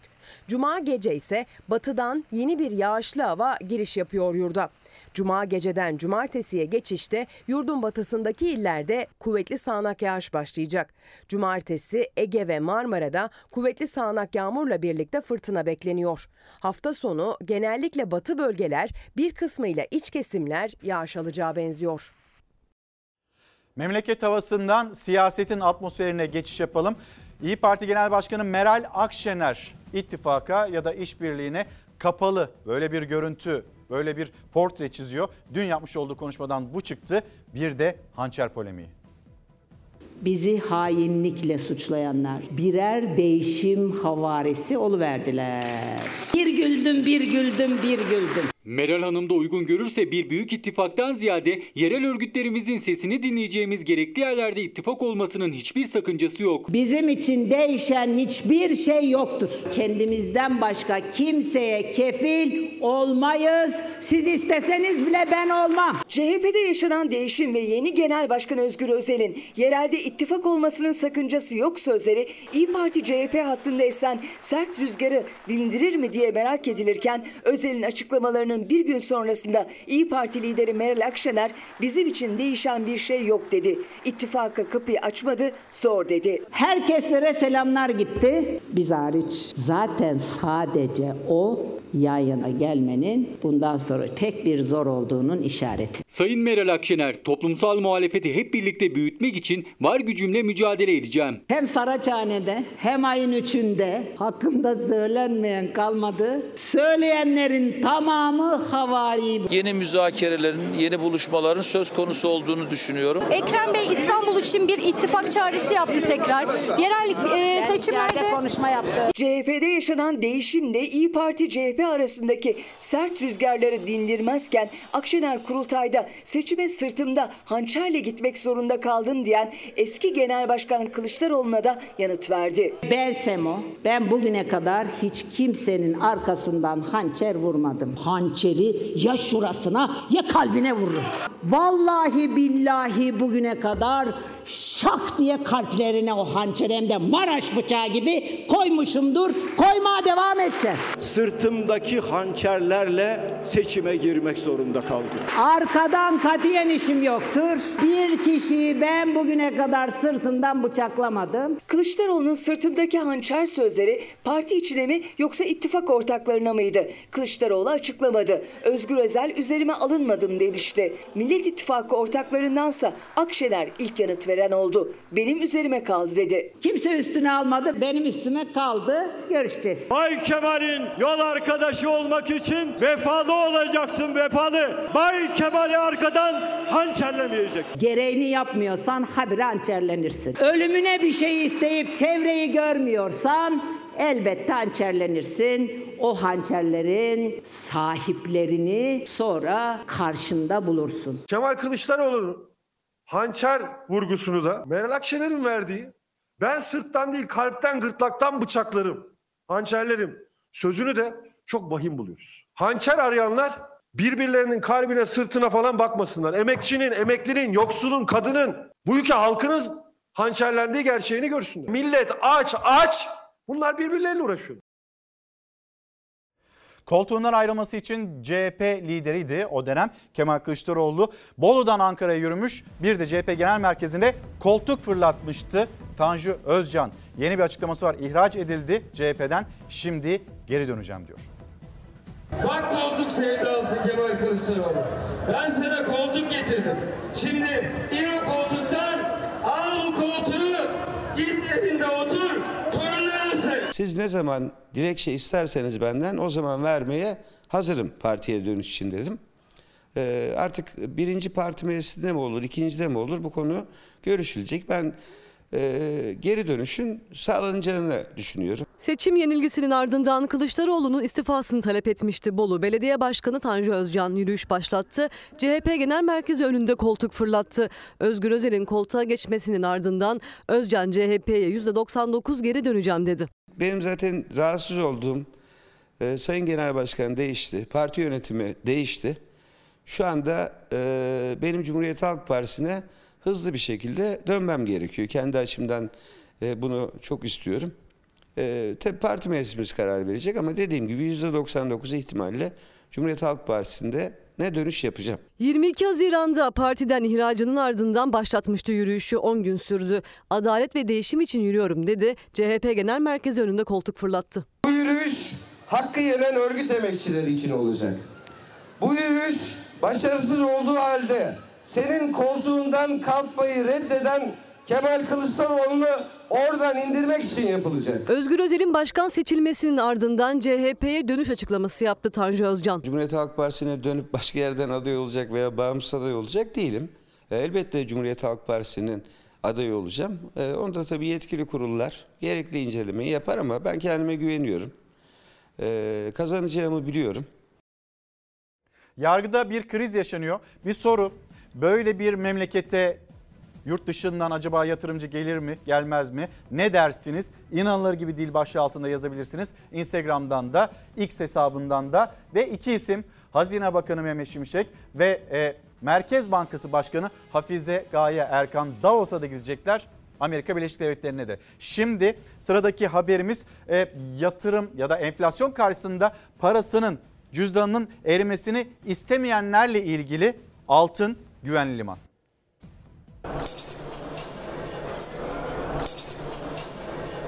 En sevdiğim yerdeyiz. Hayalim hep böyle bileziklerimin olması, çok altınımın olması. Altına olan ilgisi bu kadınların nedir? E, Seviyoruz, güzel. Biz de dükkanın önünden geçerken bakıyoruz. Peki alıp yatırım için kenara koyuyor musun? E, koyuyoruz. Parasını altına yatıran kazandı. TÜİK Ekim ayında tek kazandıran yatırımın altın olduğunu açıkladı. Birikimini dolar, euro, mevduat faizi ya da borsaya yatıran yüksek enflasyon karşısında kaybetti. Biliyorum. Şu anda da öyle ve gelecek için de aynı şeyi e, tavsiye ediyorlar altın olarak. Dolar sahibi olan kişiler tüfe karşısında alım güçlerini korudular ama bir reel getiri elde edemediler. Fakat altında öyle değil, altına yatıran son bir ayda kazandı. Enflasyondan daha hızlı getiri elde eden tek araç altın oldu. Hayatımda ilk kez altına yatırım yapıyorum. Çeyrek altın alacağım. 5-6 tane alırım. Altının kazandırdığını duyan yatırımcı kuyumcuya koştu. Dünyada altın fiyatlarının yükselmesinin yanı sıra Türkiye'deki altın fiyatlarını belirleyen faktörlerden biri de döviz kuru. Aynı süreçte Türk lirası dolar karşısında %3,4 değer kaybetti. 8 Ekim'de ons altının değeri 1832 dolarmış. 8 Kasım'da ons altının değeri 1956 dolara çıkmış. Yani %3.4'lük TL'deki değer kaybı artı %6.7'lik ons altındaki değer artışı TL'de gram altının %11 kadar artmasına neden olmuş. Çeyrek altın yatırımcısına Ekim'den Kasım'a 300 lira, Kasım'dan bugüne kadar da 100 lira daha kazandırdı. Altına yatırım yapan pişman olmadı. 1 Ekim'de yastığının altına 5 çeyrek altın koyan 2000 lira birden kazandı. Altın yıllık bazda da yatırımcısını sevindirdi. Bir yıl önce 5 çeyrek altın alıp yastık altında tutan 10.130 lira kâra geçti. Altın fiyatları e, savaşın da etkisiyle ciddi anlamda yükseldi. Yani yine güvenli liman olma özelliğini her zamanki gibi gene korudu. Benim var yani bir evin, bir araban altının olmak zorunda yani. Yatırım aracı olarak neden altını tercih etti? Yani başka ne var? En iyi altın yani yatırım aracı. Yastık altında altını olan kazandı. Güvenli liman yatırımcısını yanıltmadı. Bayağı iyi bir getirisi oldu. Kimin Bu getiri peki mutlu etti mi? Bireysel olarak tabii bizi mutlu etti ama hani Türkiye'nin durumuna bakarsak mutlu olmalı mıyız, olmamalı mıyız? O haber Van'ın Sesi gazetesinde de yer alıyor. Ekim ayında en çok altın kazandırdı şeklinde. Van'ın Sesi gazetesi manşeti ise 9 Kasım Van depremi 12. yılında.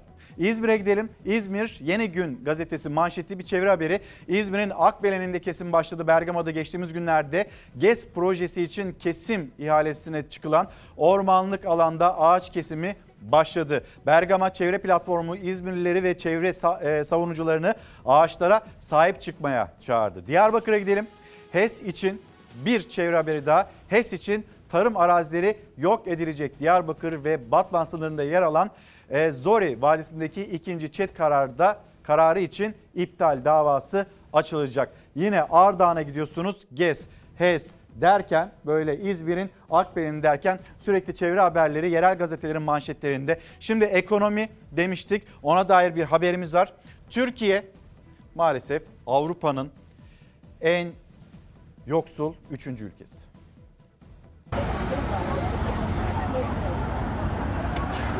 Avrupa'da herhangi bir ülkede yaşayan birinin geliri yıldan yıla artarken bir tek Türkiye'de yaşayanın gelirinin düştüğü ortaya çıktı. Küresel Refah Endeksi 2023 yılı sonuçları açıklandı. Batı ülkelerinin birçok güney ve doğu ülkesine kıyasla daha yüksek harcanabilir gelire sahip olduğu bir kez daha gözler önüne serildi.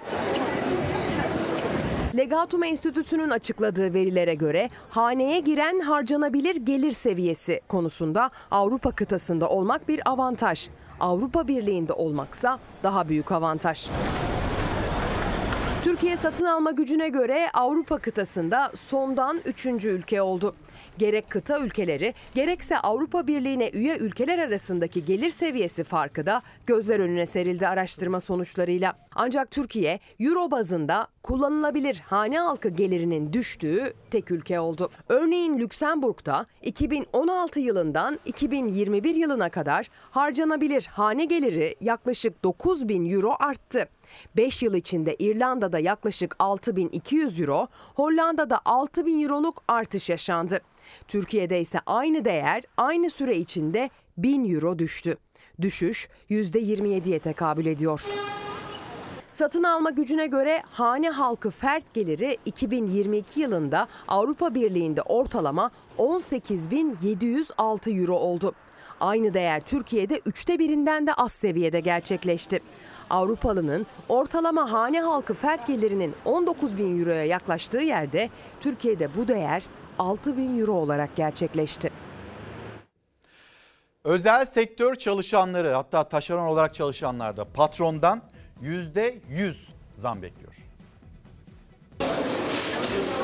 Olması gereken %100 aslında. %100 olması gerekiyor ki her şey artışa göre bizim de artmamız gerekiyor. %55 lira 60 bandında planlanan ücret artışlarında minimumda %50'lerde ama bunun daha üzerinde bir e, senaryo ile de karşılaşmak oldukça yüksek bir olasılık olarak duruyor. Ortalama bence herkese 100-150 olması gerekiyor ama tabii ki yapamaz maalesef. Merkez Bankası'nın yıl sonu enflasyon tahmini %58'den %65'e çıktı. Yeni yılın bütçesi için çalışmalara başlayan şirketlerde en az %50 zamma hazırlanıyor. Özel sektör çalışanlarının zam beklentisi ise bunun iki katı. %100 zam lazım herkese. %55 de yapılsa %5'e düşecek zaten her şey 2-3 katı. Merkez Bankası yıl sonu e, kapanış enflasyon tahmininde de bir güncelleme gerçekleştirdi. %58'den %65'e revize edildi. Bu yıl içerisindeki gerçekleştirilen asgari ücret zamlarının da oranı toplamda %100'ler seviyesine ulaştı. Özel sektör çalışanları asgari ücretli kadar zam alamadı. Şirketlerin karları artmaya devam ederken bazıları ara zam yapmadı, yapanlar da oranı düşük tuttu. Alım gücü eriyen çalışanlar gözünü Ocak zammına çevirdi. Belirleyici olacak olan önemli parametre asgari brüt ücretteki artış olacak. O yüzden herkes heyecanla tabii ki Ocak ayını bekliyor. Özel sektör çalışanları alabilecekleri en yüksek zammı talep ediyor. Beklentileri ise en az %100 zam oranı. Çünkü yapılan zam yüksek enflasyon karşısında çok geçmeden eriyor. Zamla gelen vergiye gitmesin diye vergi dilimlerinin de güncellenmesini istiyorlar. Ara zam döneminde vergi dilimleri güncellenmedi. Zam yapıldıysa da vergiye gitti. Düşük ücret ve yüksek vergi arasında sıkışan özel sektör çalışanları en az %100 zam istiyor yeni yılda. Her şeyin fiyatı çok artıyor ama maaşlar yılda iki kez bazen bir kez arttığı için sıkıntı oluyor tabii. Kart olmadan hiçbir anlamı yok. Kartımız olmasa geçinemeyeceğiz. %100 inşallah. Bir salgın giderek de yaygınlaşıyor. Uyuz salgını Ee, uzmanlar da dikkat çekiyorlar. Peki bu uyuz nasıl bulaşıyor? Haberimizde. Ben kendim olmadım ama benim akrabalarımdan çok yeğenlerimde çok oldular. Okulda da çıktı. Uyuz vakasının e, başvurusunun olmadığı gün yok diyebiliriz. Her gün bir iki tane uyuz vakası mutlaka başvuruyor ASM'mize. Geçen seneye göre %30 civarında bir artış olduğunu söyleyebilirim. Şimdi millet de doğru söylemiyor da ama her yerde de var. Bazı evlerde var bu e, korona gibi ya kimse kimseye söylemiyorlar. Şimdi diyor ki biz söyleriz çocuklarımızı okula almayacaklar. Kimse kimseye de doğru söylemiyorlar. Aile hekimlerinin uyuz vakası görmediği gün yok. Artan kaşıntı şikayetleriyle başvuruyor hastalar. Üstelik artık uyuz hastalığı direnç kazandı. Tedavisi daha uzun sürüyor. Şu an piyasada zaten bununla ilgili krem ve losyonlar var. Bunlara da artık direnç kazandığını düşünüyoruz. Kaşıntıyla başlayan uyuz vakalarında ilk başvurulan yer aile sağlığı merkezleri. Çünkü kamu hastanelerinin dermatoloji bölümünden randevu almak çok zor. Randevu alınsa bile 5 dakikayla sınırlanan muayene sürelerinde hastalık gözden kaçabiliyor. Zorlandı mı akrabalarınız? Tabii ki zorlandılar. Bir, bir sene hemen bir sene geçtirdiler. 4-5 tane ilaç e, geçirdiler. Hapı kullandılar da ona kremi kullandılar. Pahalı mı ilaç? Tabii ki o pahalı. O devlet ödemedi. 1000 liralık uyuz ilacı SGK kapsamında değil. Mevcut krem ve losyonlara direnç kazanan rahatsızlık daha zor tedavi ediliyor artık. Bulaşması ise çok kolay. Restoranda kullanılan bir şal ya da mağazada denenen bir giysi, kullanılan ortak havlular, spor salonları ve okullarda risk yüksek. Olabildiğince bilmediğimiz, tanımadığımız ortamlarda farklı insanlarla temastan uzak durmamız gerekiyor. Kişisel hijyene dikkat etmemiz gerekiyor. Okulda önlem alındı mı peki? Ee, evet aldım. Yüzü olan çocukları eve gö- şey e, gönderdi eve. Dedi ki gelmeyin bir hafta 15 günü almadılar.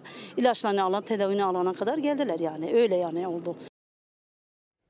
Efendim bugünü noktalıyoruz. Saat 7.45'te başlayan haber yolculuğumuz, haber maratonumuz şu an itibariyle noktalanıyor. Bizi yalnız bırakmadığınız için çok teşekkür ederiz. Zaten her zaman teşekkürümüz sizlere. Yarın devam edeceğiz. Yine saatler 7.45'i gösterdiğinde biz burada olacağız. Yarın 10 Kasım. Yarın 10 Kasım e, bir yaz günü değil. Atamızı sonsuzluğa uğurladığımız gün ve e, anma ve anlama günü olacak. Çalar Saat'te özel bir yayın gerçekleştireceğiz. Memlekette olup bitenler bugün acaba Ankara'da e, siyasette ve yargı camiasında neler olacak? Tüm bunların son dakika gelişmeleri yine Çalar Saat'te olacak ama 10 Kasım için de özel bir yayın gerçekleştireceğiz. Yarın görüşürüz. Hoşçakalın. Güzel bir gün olsun.